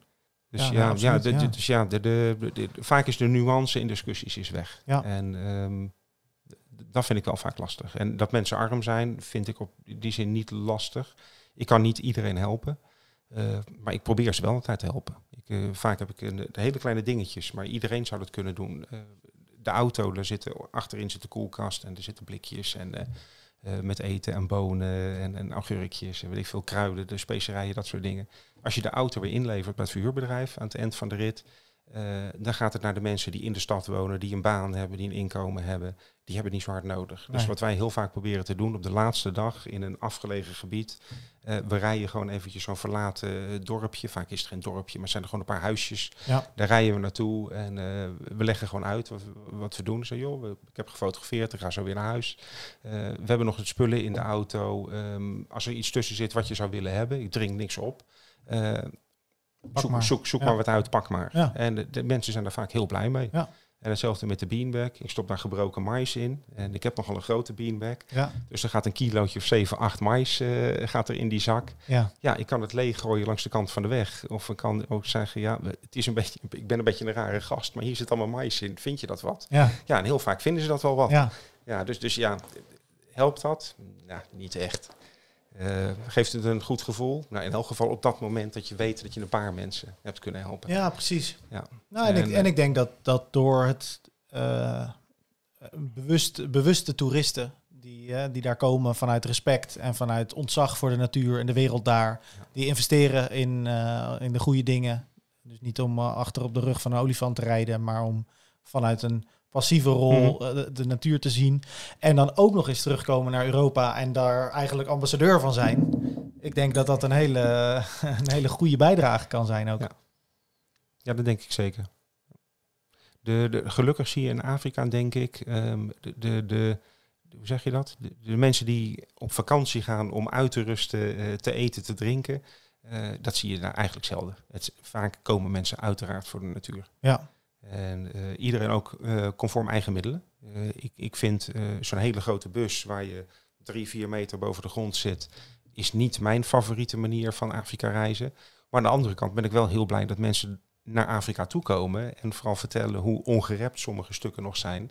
En hoe mooi het is als je niet overal elektriciteitspalen ziet en, en stuwdammetjes en geasfalteerde wegen.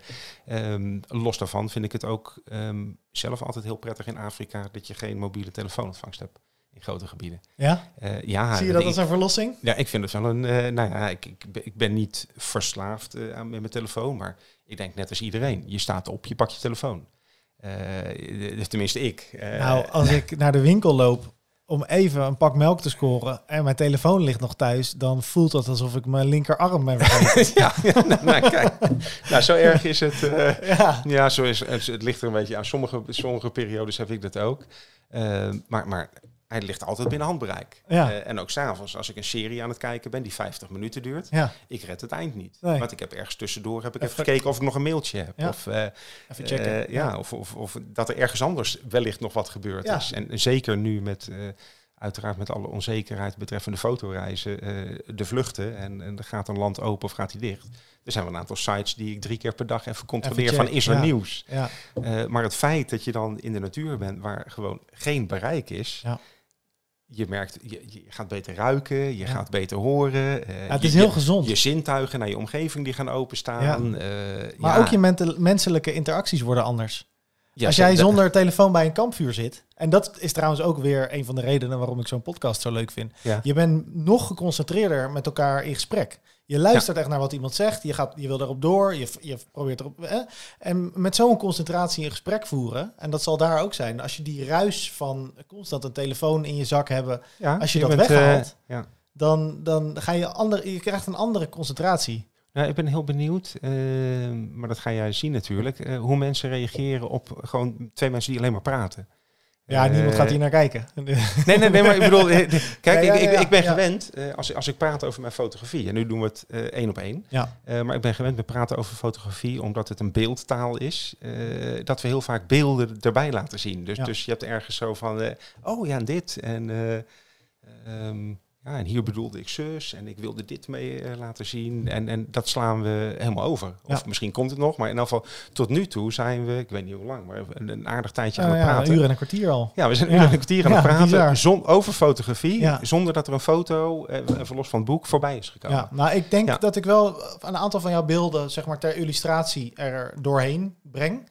Maar het gaat inderdaad vooral over onze belevingswereld. En eigenlijk vooral jouw belevingswereld en jouw verhalen hierin. Hm. En wat ik heel leuk vind van podcasts, is dat eh, als we het dan toch hebben over afleiding en over ruis en over eh, dat, soort dingen, worden podcasts worden va- heel vaak geluisterd door mensen die onderweg zijn, ergens naartoe, Mhm. in het openbaar vervoer zitten. Of ze worden gekeken in een YouTube-schermpje als iemand bezig is met foto's editen of dat soort dingen. Ja. Ehm, dus het, het, zijn, het is heel vaak worden podcast geluisterd als een soort van eh, ja, achtergrond, toevoeging op andere dingen doen. Mhm. Mensen die doen even oordopjes in als ze aan het stofzuigen zijn of weet ik het wat, dat soort dingen. En ze luisteren naar een eh, verhaal. Ja. En ze luisteren naar een verhaal, ja.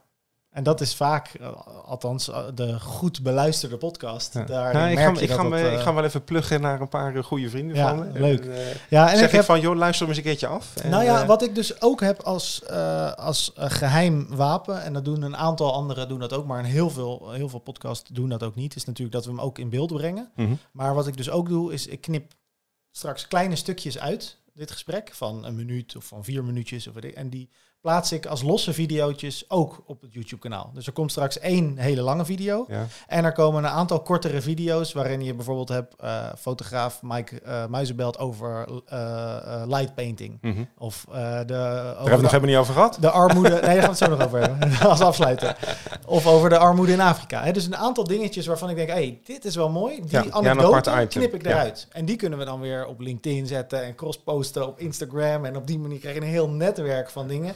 Waardoor mensen dus op een gegeven moment, dan zien ze een videootje van een minuut. En denken ze, oh wacht, die Mike, dat is wel een coole gast. Die heeft wel interessante dingen te vertellen. Misschien moet ik die hele podcast eens gaan luisteren. Ja. Of Ja, niet? ik ben benieuwd.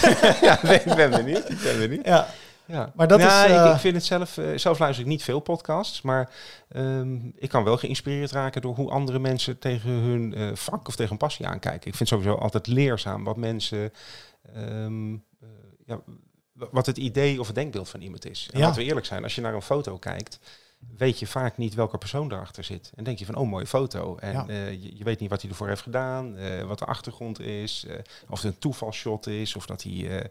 ja, het, het zijn droomfoto is waar hij vijf jaar naartoe heeft gewerkt. ja.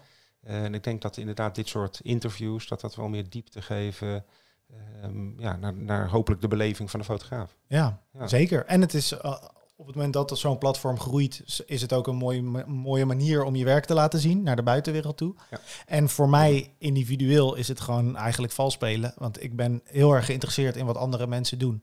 En hoe cool is het om gewoon iemand aan tafel te kunnen vragen en iemand gewoon om de ruimte te krijgen om jou anderhalf uur ontzettend Ja. te bevragen. Ja, nee, maar dat is toch ook zo? Ja, ja zeker Ik, zo. ja, ik ben. Al, ik ben van nature heel erg nieuwsgierig. En dit is een ontzettende ja, manier om die nieuwsgierigheid een beetje... Clever. Ja, toch? Ja, ja, dus dat is mooi. ja, zeker. Hey, eh, light painting. Wat eh, is dat? Wat is het? Ja, Ja, voor de mensen die dat niet weten, hoe eh, kan je dat omschrijven? Ja ik, ik, ik, ik, heb een, Zal ik een ook... mini, een ja, mini leuk. tool heb ik meegenomen. Dan pakken we ondertussen jouw foto's daar ook even bij, die ik dan straks erin edit. En voor de mensen die deze podcast alleen luisteren, ja, dat wordt lastig. Maar ik zou dan vooral ook even kijken op YouTube. Wat eh, kunnen we laten zien hierin? Nou, hier niet, niet zoveel, maar ehm, even kijken hoor. Wat ik hier heb is eigenlijk eh light painten traditioneel. Eh, volgens mij was een van mijn eerste foto's die ik maakte, was een light painting. Oké. Ik ging in de kelder van mijn vader staan. Ik nam een sterretje mee. Ik zette die camera op statief, bulbstand. En ik ging met het sterretje ging ik mijn naam schrijven. Ja. En dan dacht ik eerst van eh, de eerste rolletje overkeerd. Want ik, je moet een spiegelbeeld schrijven. Ja. Dus het tweede rolletje ging het al een stuk beter. Eh, dat is het klassieke light painten. En wat ik nu eigenlijk doe is light drawen. Dat is, maar iedereen noemt het light painten. Maar eh, technisch gesproken zou je light drawing moeten zijn. Je zet je camera neer op statief. Je bedient de camera met een afstandsbediening. eh, ook in de bulbstand. Ja. Je zet de sluiter open. Je kiest een bepaalde ISO-waarde, een bepaald diafragma. Mhm. En in de sluitertijd die je hebt, ehm, eh, maak je vervolgens een tekening als fotograaf zijnde. Dus je staat op afstand, sta je te tekenen. Ja. En wat gebruik ik daarvoor? Met name buizen. Dit is een heel kort buisje die ik ooit in twee heb gezaagd. Eh, maar je stopt er een zaklamp in. Ja. En je doet hem aan en hij staat nu heel ehm, niet zo fel. Dus ik zet hem even wat feller. Dan is het wat duidelijker te zien. En hij gaat opgloeien. Ja. En hiermee ja, maak je een tekening eh, gedurende een bepaalde sluitertijd die je zelf hebt verzonnen. En soms ehm, stop je de tekening wat eerder, laat je de omgeving langer doorlopen. Ja. Er zijn heel veel variaties in mogelijk. En juist dat spel ehm, van, van en het verzinnen van de tekening, maar vooral het combineren van, van de lichtintensiteit in zo'n buisje en het omgevingslicht ja. eh, en de bijbehorende compositie, dat vind ik zo leuk. Ehm, Wat ik heel grappig eh, en interessant vind van jouw eh, light drawing foto's, is dat er ook een heel groot component landschapsfotografie Ja. vaak in terug te vinden is. Zeker, bewust. bewust. Ik, de, de, de- alle workshops die ik geef ehm, zijn altijd, eh, of altijd, ja, tot nu toe eigenlijk altijd aan de kust. Eh, ik ken de kust als mijn broekzak. Ik woon er 15 kilometer vandaan. Ehm, dus ja, ik ben er makkelijk naartoe te rijden. Eh, wat ik altijd wil is textuur op het strand ehm, en spiegeling. En dat krijg je eigenlijk alleen maar bij laag water.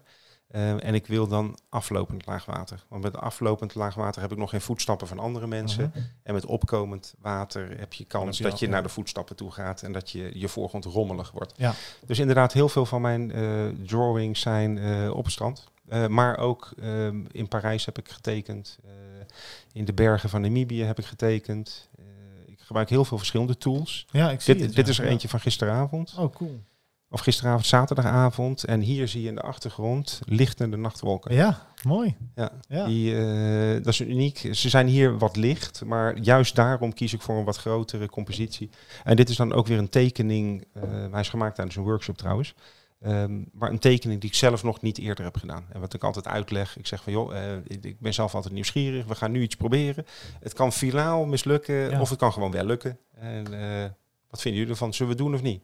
Hebben we dan wat nieuws? Ja, dan heb je wel wat speciaals. Ja, ja, ja. Oké, dat gaan we doen. Cool. Ja. En hoe kom je dan tot zo'n, met tot die vlakjes in de... Ja, dit zijn, dit zijn twee buizen die ik gebruik. Ah, oké. En eh, de een is, een- ja, de een is streepjes. Dus dat is een zebrabuis.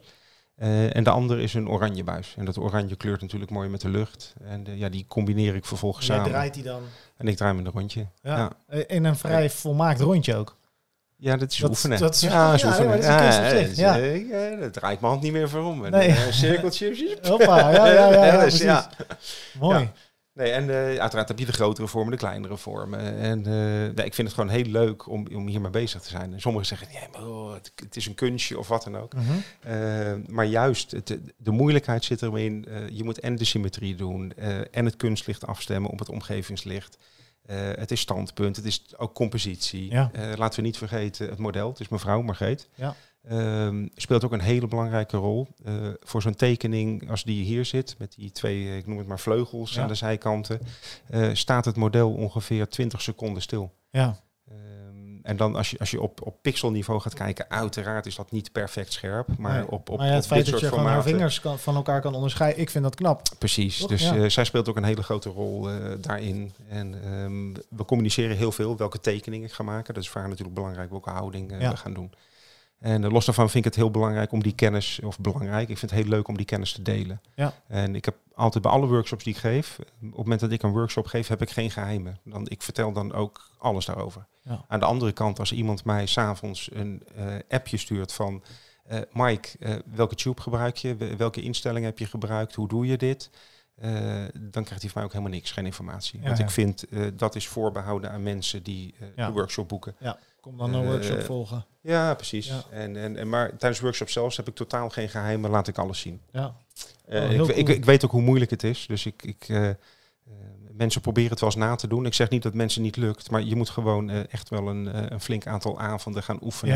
Ja. Wil je de, de fijne kneepjes van, het, van deze stijl van fotografie beheersen. ja. Hoe ben je hierin terechtgekomen? Eh, gezien Erik, Erik Paré en Kim Henry, dat zijn een Canadese stel. Die doen het al jarenlang, volgens mij al vijf, zes jaar. Mhm. En eh, ik zag hun foto's voorbij komen. En ik hou wel van het creatieve en, en zelf iets van, een, van, je- iets van jezelf in een foto stoppen. Ja.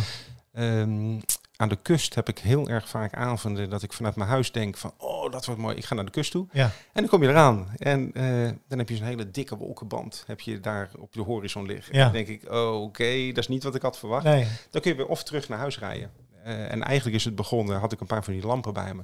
En stond ik in mijn eentje, stond ik op het strand te dansen en eh, te oefenen en te kijken wat ik ermee kon doen. Ja. Heel veel verschillende materialen gebruikt, eh ledlampen gebruikt, pixelsticks gebruikt.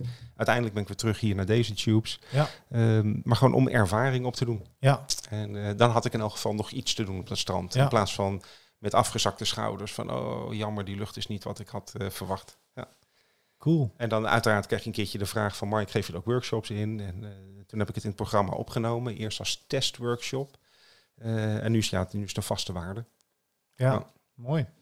Ik zie jou trouwens nooit, ehm, of tenminste de dingen die ik zie dat die de uiteindelijk social media bereiken, die, Mhm. zijn nooit, die gaan nooit langs de camera hè, met light painting. Want volgens mij zie je ook wel eens dingen die dan, ehm, want jij tekent vrij ja, eh, op zeg één, maar, één vlak. op één Ja. vlak ja. en niet met die diepte. Is daar een bepaalde keuze voor dat je dat op die manier niet doet? Ehm, Dat je eigenlijk naast je camera begint en dan naar het model ja, toe? ik, ik, ik heb het wel eens gedaan hoor. Maar even kijken, deze is buiten de camera langs. Oh, oké. Ja. Dus hier begin ik echt buiten het beeld. En Ja. ik maak eigenlijk een soort halve cirkel door het beeld heen. Ehm, heel vaak ehm, is het zo, het, het, het, ja, het centrale deel van mijn foto, de compositie heb ik al bepaald. Dus het voegt niet zoveel toe als ik buiten het beeld Nee, loop. precies, ik ga, ehm, wanneer zit ik in Petten? Zaterdag zit ik in Petten. eh Palendorp in Petten. Oh, dus morgen, als jij de podcast vrijdag doet. Juist. Morgen Scherp. zit ik in Petten. Ja, ja, ja. Niet langskomen, want ik ben een workshop aan het geven. Ja, precies. Ehm, nee, maar wat ik Op een nog niet nader te noemen locatie. ja, op een niet in Bekken. na, ja. maar ehm, wat je daar hebt, je hebt daar die palen. En ik heb daar wel ideeën over hoe ik, wat ik bij die workshop wil gaan doen. Ehm, ik wil Margreet, eh, het model wil ik bepaalde eh, plek in de compositie geven. En vervolgens heb je die andere palen. En ik wil daar ook ehm, cirkels omheen gaan tekenen. Maar ik wil er ook tussendoor lopen Ja, met, ja, met ja, andere tubes. Eh, dus het wordt wel een andere stijl als deze stijl. Maar de techniek in, blijft hetzelfde. Ja. Ja. Cool. Mike, mag ik jou eh, hartelijk bedanken voor het eh, delen van jouw verhaal. Graag gedaan, vond het leuk. En het is voorbij gevlogen. Ja, dat je net zei, een uur en een kwartier. ik denk, anderhalf uur ja. inmiddels, ja. Ja. De batterij van die camera is leeg. Ik hoop dat alles nog werkt en draait. Het is voor mij ook de eerste keer. Ik heb het nog nooit gedaan, dus ik denk dat ik het kan, zeggen ze dan. Ja, dat is toch een goede insteek. Ja. Ja. Hey, waar eh, op eh, social media ben jij te vinden?